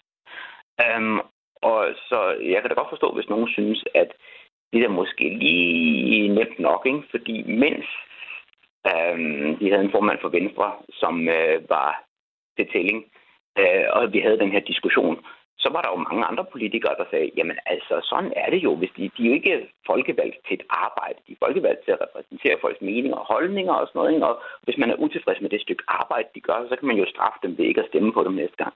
Den mulighed fik vi jo så ikke, fordi nogen valgte bare at gå og sige, nu er jeg helt færdig med politik, og, og så tage sin, sin ministerpension. Øh, så jeg forstår udmærket, hvis folk synes, der går inflation i det, og det bliver for nemt, og det bliver en, en måde at, øh, kan man sige, øh, malke systemet på. Peter, jeg skal nok øh, lige vende forbi dig øh, igen øh, senere, for vi øh, skal videre.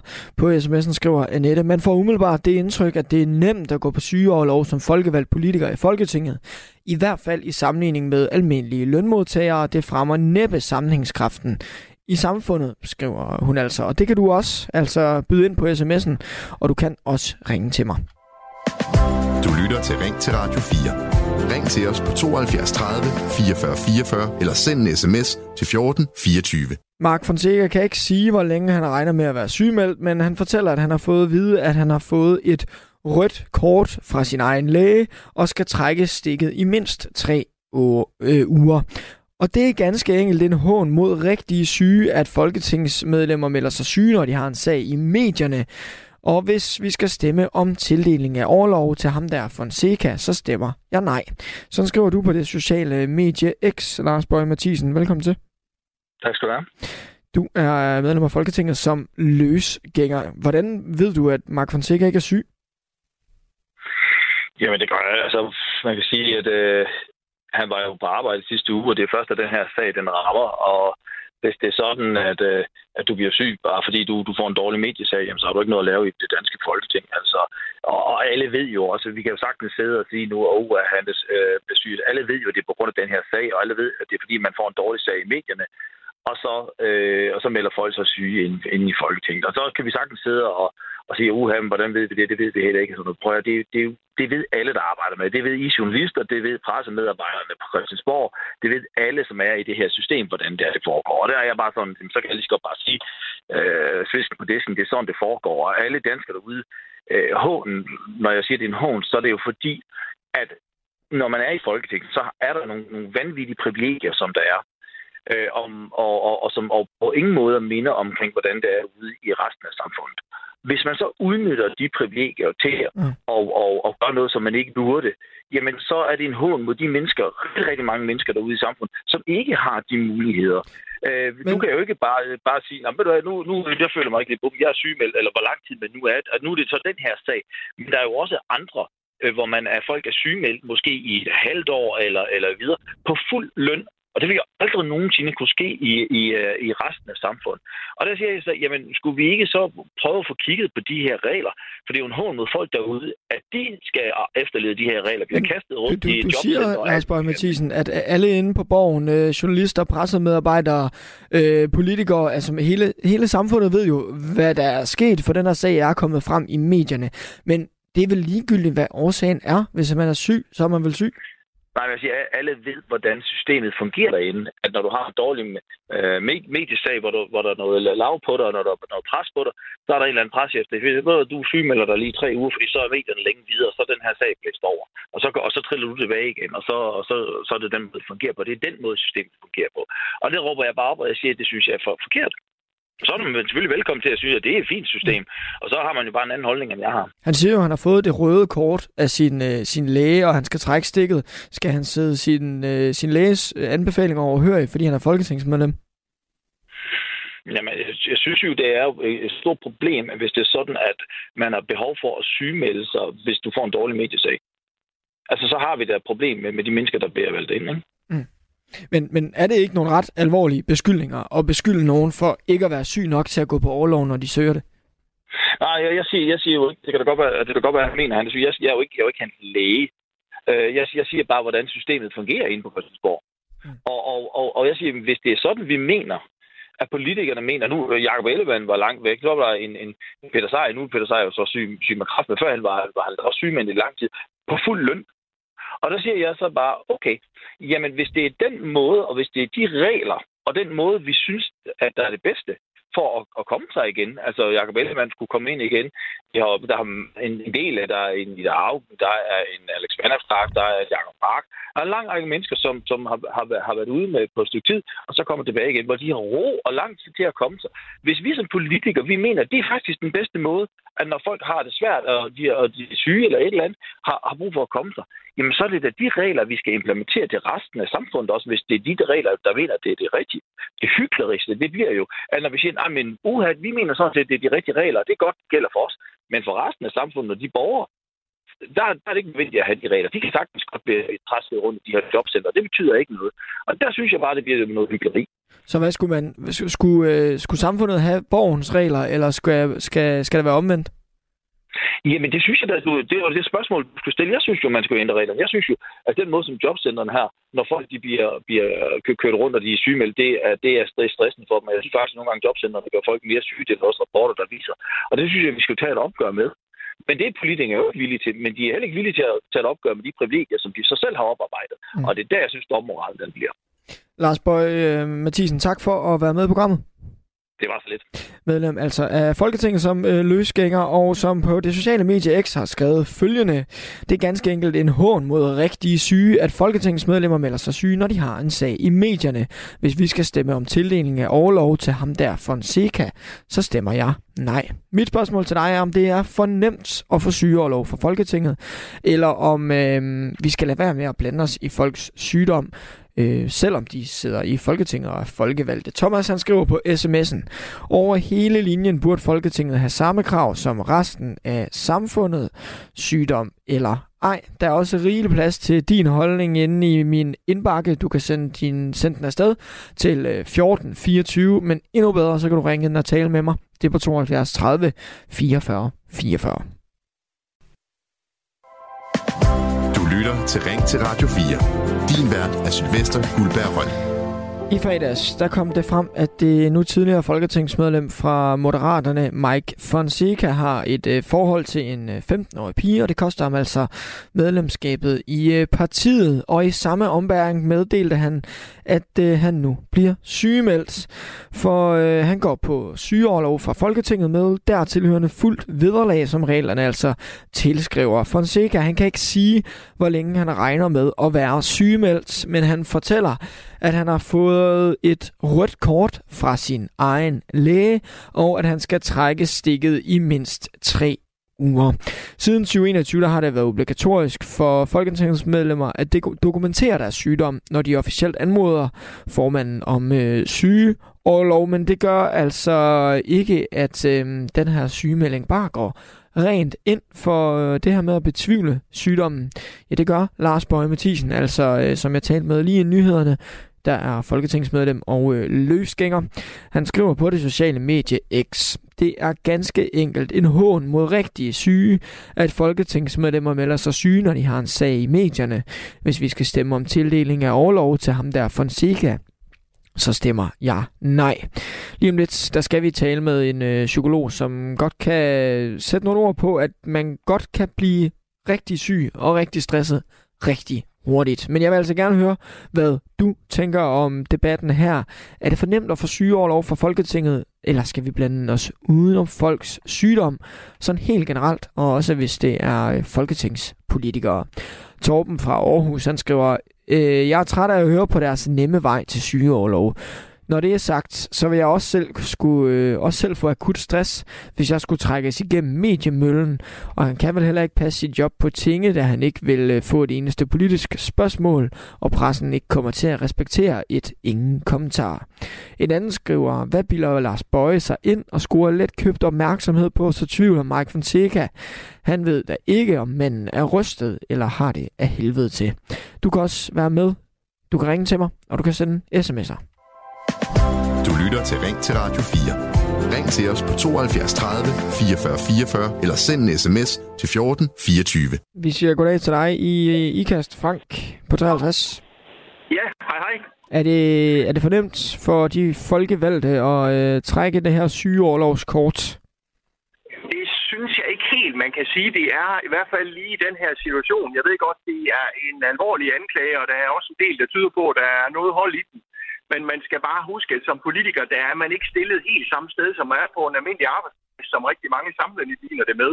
Vi skal jo altså huske på, at du ser ikke enten med Mark Francesca på alle medier i øjeblikket, både de sociale, i nyhederne og i radioen som nu. Så han er jo under fra øjeblikket, at den her sag bliver konstateret, et ekstremt massivt pres fra alle, der vil høre, hvad der sker. Og det er hans kæreste i øvrigt også. Så jeg tror, at de fleste nok ville blive rigtig syge og dårlige, hvis de havde den hængende.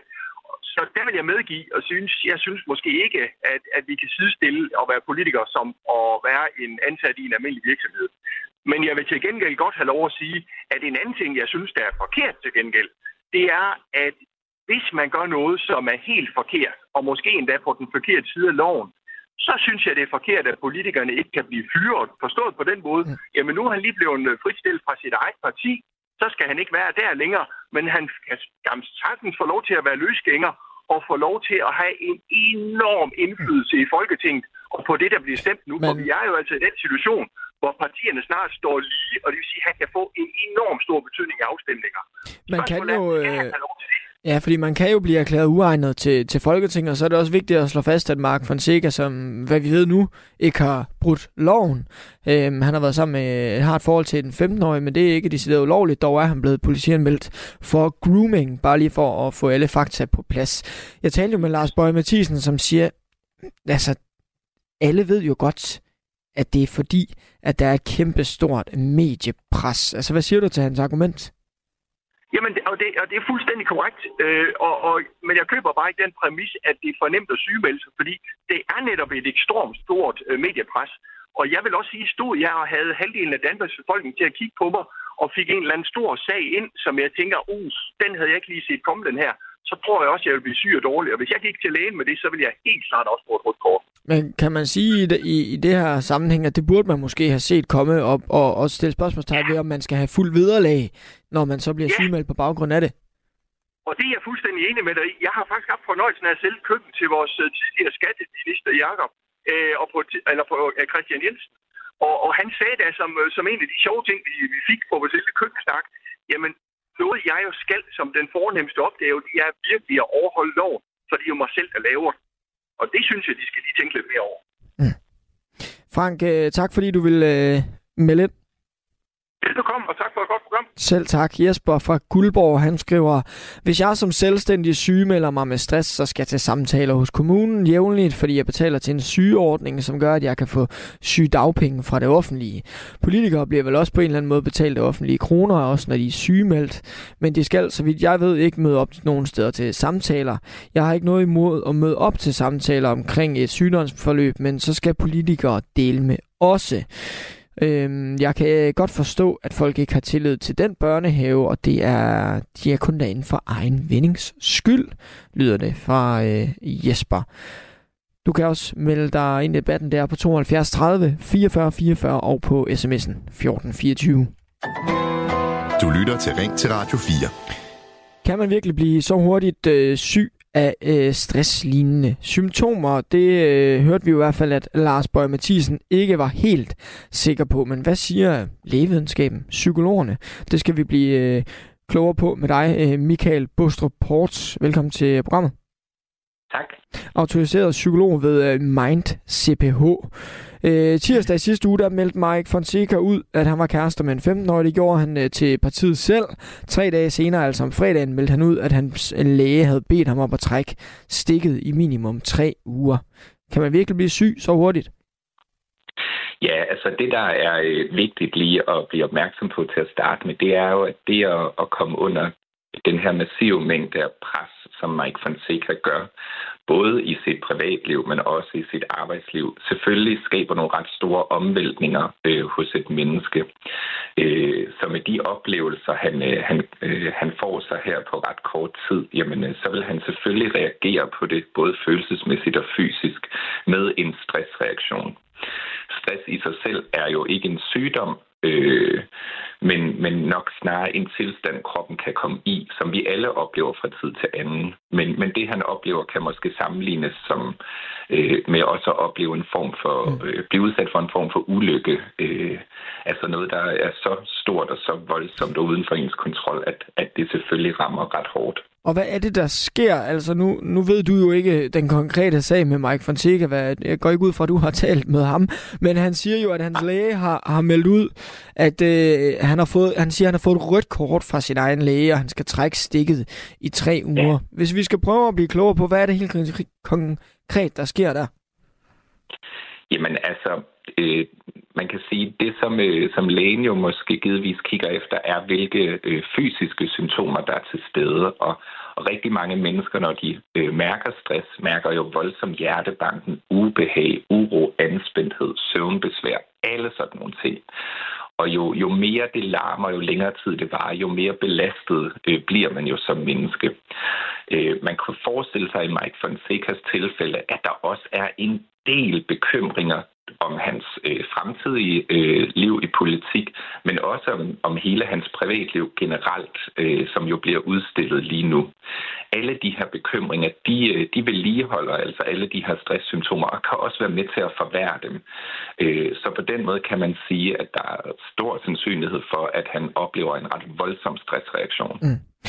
Løsgænger i Folketinget, Lars Bøge Mathisen, som jeg talte med lige før, han skriver altså på X, det er ganske enkelt en hån mod rigtige syge, at folketingsmedlemmer melder sig syge, når de har en sag i medierne. Han ret i det, at det er en hån mod rigtige syge? Tænker jeg øh, ikke, man kan sige, det er. Altså, der er jo ikke nogen, der bestemmer, hvordan de reagerer på de ting, de oplever, øh, eller hvor hurtigt det går. Øh, så hvorvidt det er en hån mod mennesker, der reelt er syge, øh, synes jeg er svært at sige. Altså, nu, øh, nu øh, siger du selv, at, øh, at vi ikke har talt med Mike Fonseca, så det kan være svært at vide, hvad, hvad der sker øh, hos ham. Øh, men, men det, man skal huske på, er, at alle mennesker jo, jo oplever ting forskelligt. Øh, og jeg vil sige, at i det her tilfælde, der, der er god grund til at tro, at det er en ret voldsom oplevelse, øh, uanset hvad den så udspringer af. Øh, så jeg tænker, der er god sandsynlighed for, at, øh, at det, som lægen også ser, øh, nok er, er korrekt, om man vil. Kan man, kan man blive rask fra akut stress på tre uger. Det er jo det, han siger selv, at han har fået, øh, fået det røde kort i, i minimum tre uger. Ja, det kan man godt, men, øh, men det er ikke kun det at trække stikket, der skal til. Øh, I virkeligheden så har man nok brug for øh, at komme, øh, komme ind hos en professionel en psykolog for eksempel, som kan hjælpe en med ligesom at kortlægge, hvad er det, der udløser den her stress, men også hvordan man håndterer den. Øh, for langt de færreste mennesker, så er det faktisk en sygemelding, der virker øh, udelukkende. Den kan godt gøre, at du kommer væk fra det, der er svært, øh, men man får egentlig ikke arbejdet med de, med de underliggende mekanismer, som er din måde at håndtere det på. For eksempel, hvor meget du bekymrer dig om det, du oplever. Og det er jo altså ikke den, den første folkevalgte, der må, øh, der må øh, sige, øh, jeg trækker lige stikket lidt. Det er måske vigtigt at slå fast, at Mike Fonseca ikke selv har sagt ordet stress, men mm-hmm. han mhm. dog har sagt, at han har fået et rødt kort fra sin læge og skal trække stikket tre uger. Men vi har for eksempel ja. også set Jacob Ellemann og Jacob Mark øh, ja, få en, en stresssygemelding. Øh, er det for hårdt at være folketingspolitiker? Kan, kan man udlede det? Øh, det tror jeg er svært at udlede, øh, men jeg, jeg tror bestemt på, at det er hårdt at være folketingspolitiker. Ikke nok med, at man jo bestrider et, et ret vigtigt erhverv, så er man øh, også en, en offentlig person i et eller andet omfang, og man bliver målt og vejet på ret mange ting, meget mere end mange andre mennesker øh, givetvis gør i deres arbejdsliv. Så ikke nok med, at man skal passe sit job godt, så er man også øh, på en eller anden måde i far for at blive bedømt, øh, hvor godt man passer det her job på daglig basis. Øh, og det er jo allerede der et enormt pres at være under. Øh, så det i sig selv kunne godt pege på, at det er et, et lidt hårdere job at bestride til tider. Michael Bostrup Ports, tak for at gøre os lidt klogere. Velkommen. Autoriseret psykolog altså hos øh, Mind CPH, og øh, vi taler om sygeårlovsreglerne i Folketinget. Er det for nemt at blive sygemeldt fra Folketinget, eller skal vi blande os udenom folks sygdom? På sms'en er der en, der skriver, han har ret sin egen seng, så må han ligge i den. Mens René skriver, jeg mener, vi skal respektere de kontrakter, der er forhandlet på plads, der indeholder retten til sygelov på de enkelte arbejdspladser, også Folketinget. Der findes også kontrakter og dermed ansættelser i det private, hvad andre ikke har. Men hvis man vil ændre på det, så må man gøre ved at skifte job eller rette skytset mod dem, der forhandler i de enkelte ansættelser.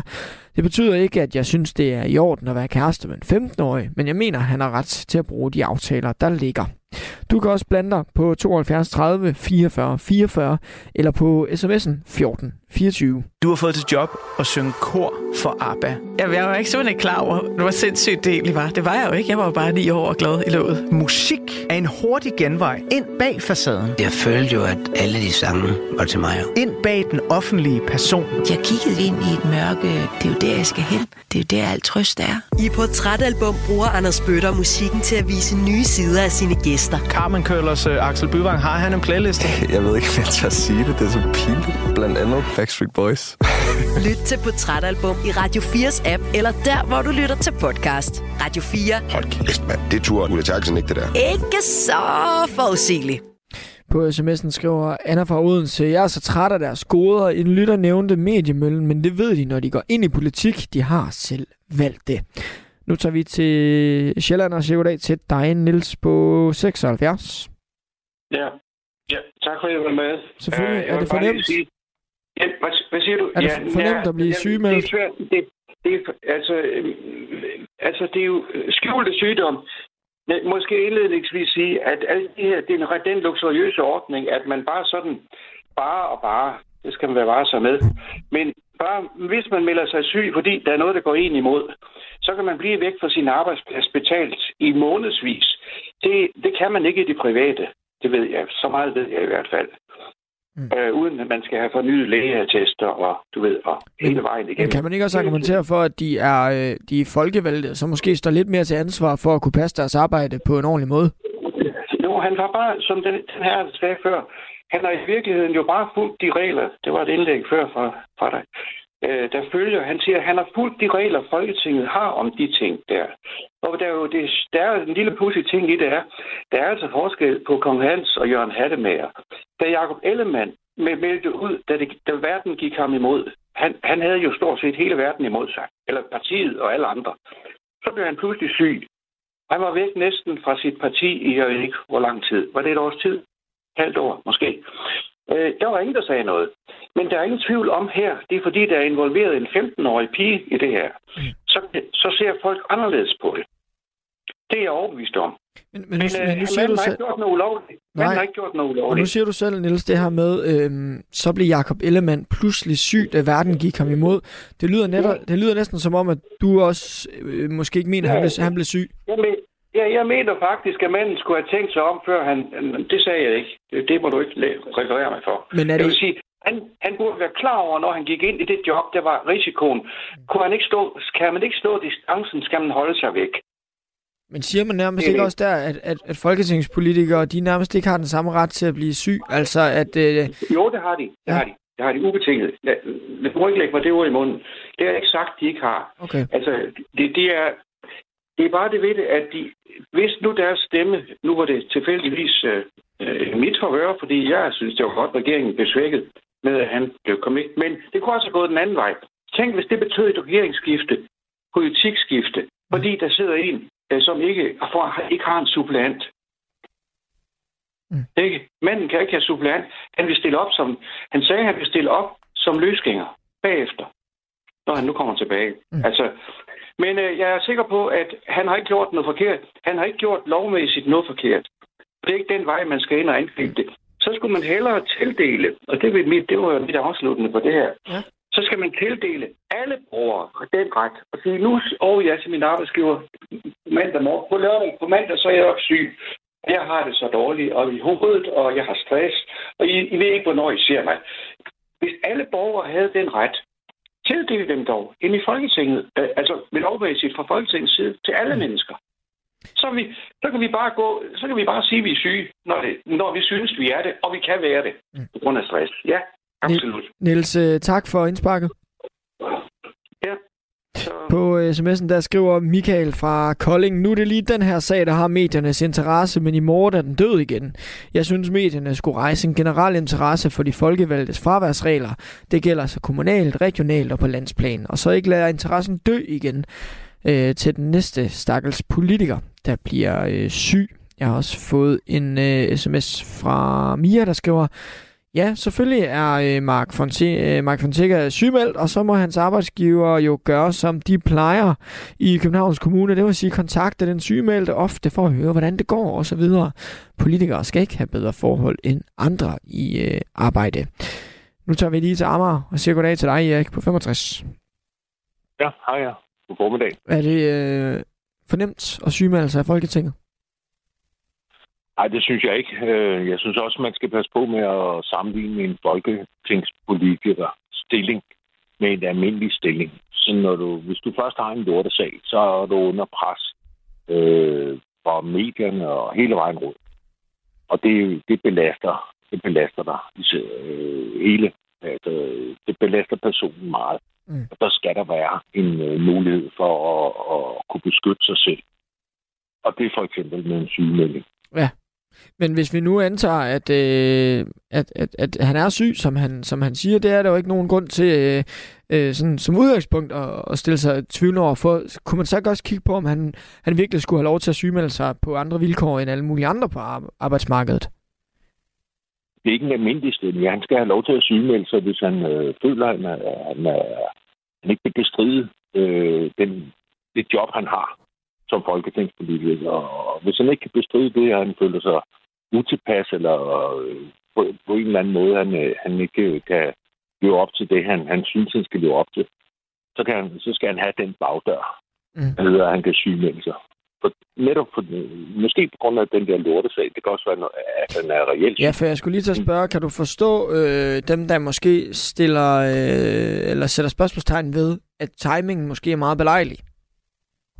Ja, det er højst sandsynligt øh, har det en sammenhæng. Men det gør heller ikke noget, fordi det skal han have lov til. Eller ikke kun ham, men det skal folketingspolitikere have lov til. Nu må vi give dem, fordi det er et meget belastende erhverv, det at være folketingspolitiker. Øh, især når de kommer ud i, i en, øh, det, man kalder en lortesag. Det er det, han har i øjeblikket. Mm. Og det er der utallige eksempler på. Og jeg vil også bare lige sige, det sker også i det private erhvervsliv. Hvis du er oppe på et vist niveau, og du har en dårlig sag, så bliver du også sendt hjem mm. på ubestemt tid. Og så, så hedder den også en sygemelding. Erik, øhm, tak for dit, øh, tak for dit indspark. Ja, det var så det. På sms'en skriver Jesper, skal vi ikke bare afvikle lov og ret og indføre folkedomstolen? Vi er i hvert fald godt på vej i, øh, i den retning. Vi øh, skal også lige en tur til Lejre og sige goddag til dig, Patrick øh, på 55.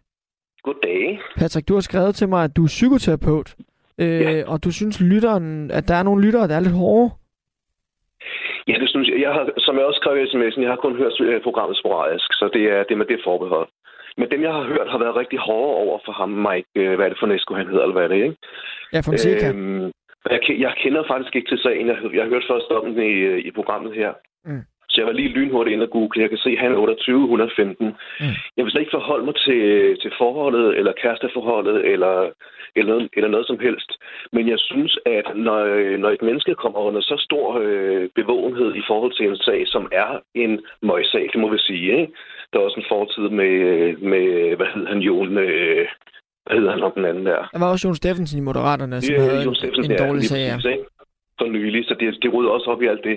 Når man er i sådan en sag, så bliver man følelsesmæssigt meget, meget stærkt påvirket. Det, det kan enhver sige sig selv.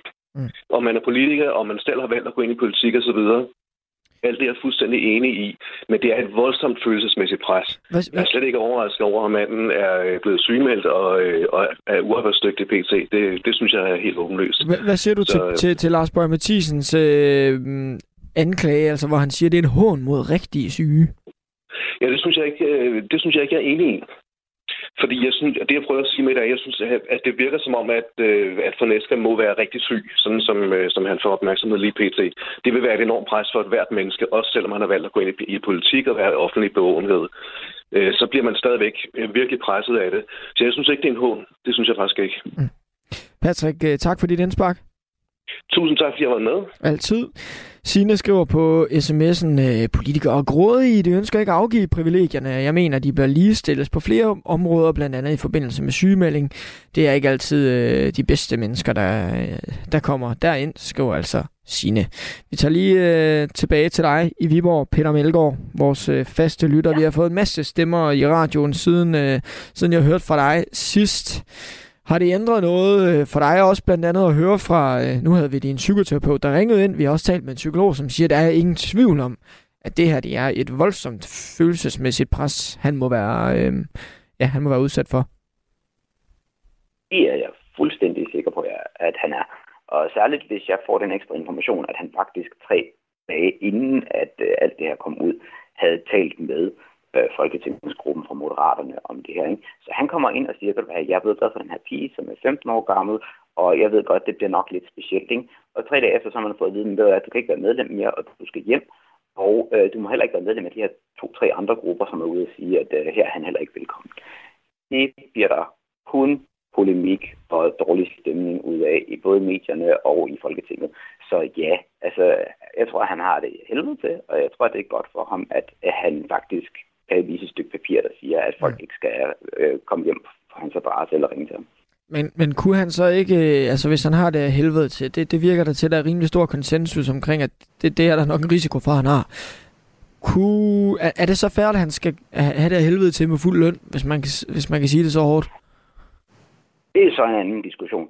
Uh, det jeg helst så, det var i hvert fald, at hvis de skal have fuld løn, så skal vi også snakke lidt om det her med, jamen, hvad har vi som borgere af garanti for, at der bliver snakket med de her mennesker, for at de skal få det bedre?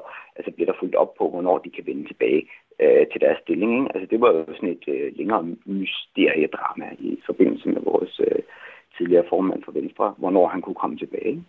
Så øh, det er sådan en ting med, er der overhovedet nogen instanser på plads, som skal sørge for, at de her mennesker får det bedre, hvis de har det så dårligt? Så de, så de egentlig også øh, skal have noget hjælp på Folketingets øh, regning, eller måske have, noget, altså, have hjælp gennem Folketinget? Ja, altså når nu ikke man vil stille krav til dem, så kunne man da give dem hjælp i stedet for. Mm. Det ville jeg synes var fint. Okay.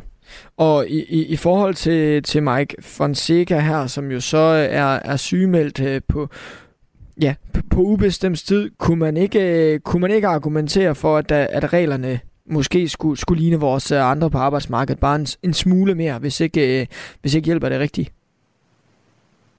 Altså, det, øh, jeg, jeg kender ikke for en sikker situation rent privat jo. Øh, i, i den hensyn. Jeg ved ikke, hvor dårligt han har det, hvor meget han har brug for det her. Øh, jeg kunne sagtens forestille mig, at han ikke har brug for at skulle snakke med sine kolleger i Folketinget og med os om det hele tiden. Øh, så øh, jeg synes, hvis vi skal ændre det ham, så skal vi ændre det for dem alle sammen, og det starter nok med, at vi snakker om, jamen skal de have fuld dag, og skal der være nogen form for opfølgning med, hvornår de kommer tilbage. For ellers så er det jo bare at have folkevalgte folk siddende mm. til ikke at lave noget i, i mystiske, uvisse længder af tid. Peter, øh, tak fordi du vil øh, være med i øh, debatten her. Ja, selv tak. Og debatten om øh, Mike Fonseca er faktisk ikke helt slut endnu, for efter ny- nyhederne, der kan du lytte til eksperimentet på midten, hvor blandt andet Uffe Elbæk og Jens Rode skal debattere sagen og også skal tale om Socialdemokratiets nedtur i de nyeste meningsmålinger. Det venter altså lige efter nyhederne, som øh, du får serveret nu. Klokken er 11. Du har lyttet til en podcast fra Radio 4. Find flere episoder i vores app, eller der, hvor du lytter til podcast. Radio 4. Ikke så forudsigeligt.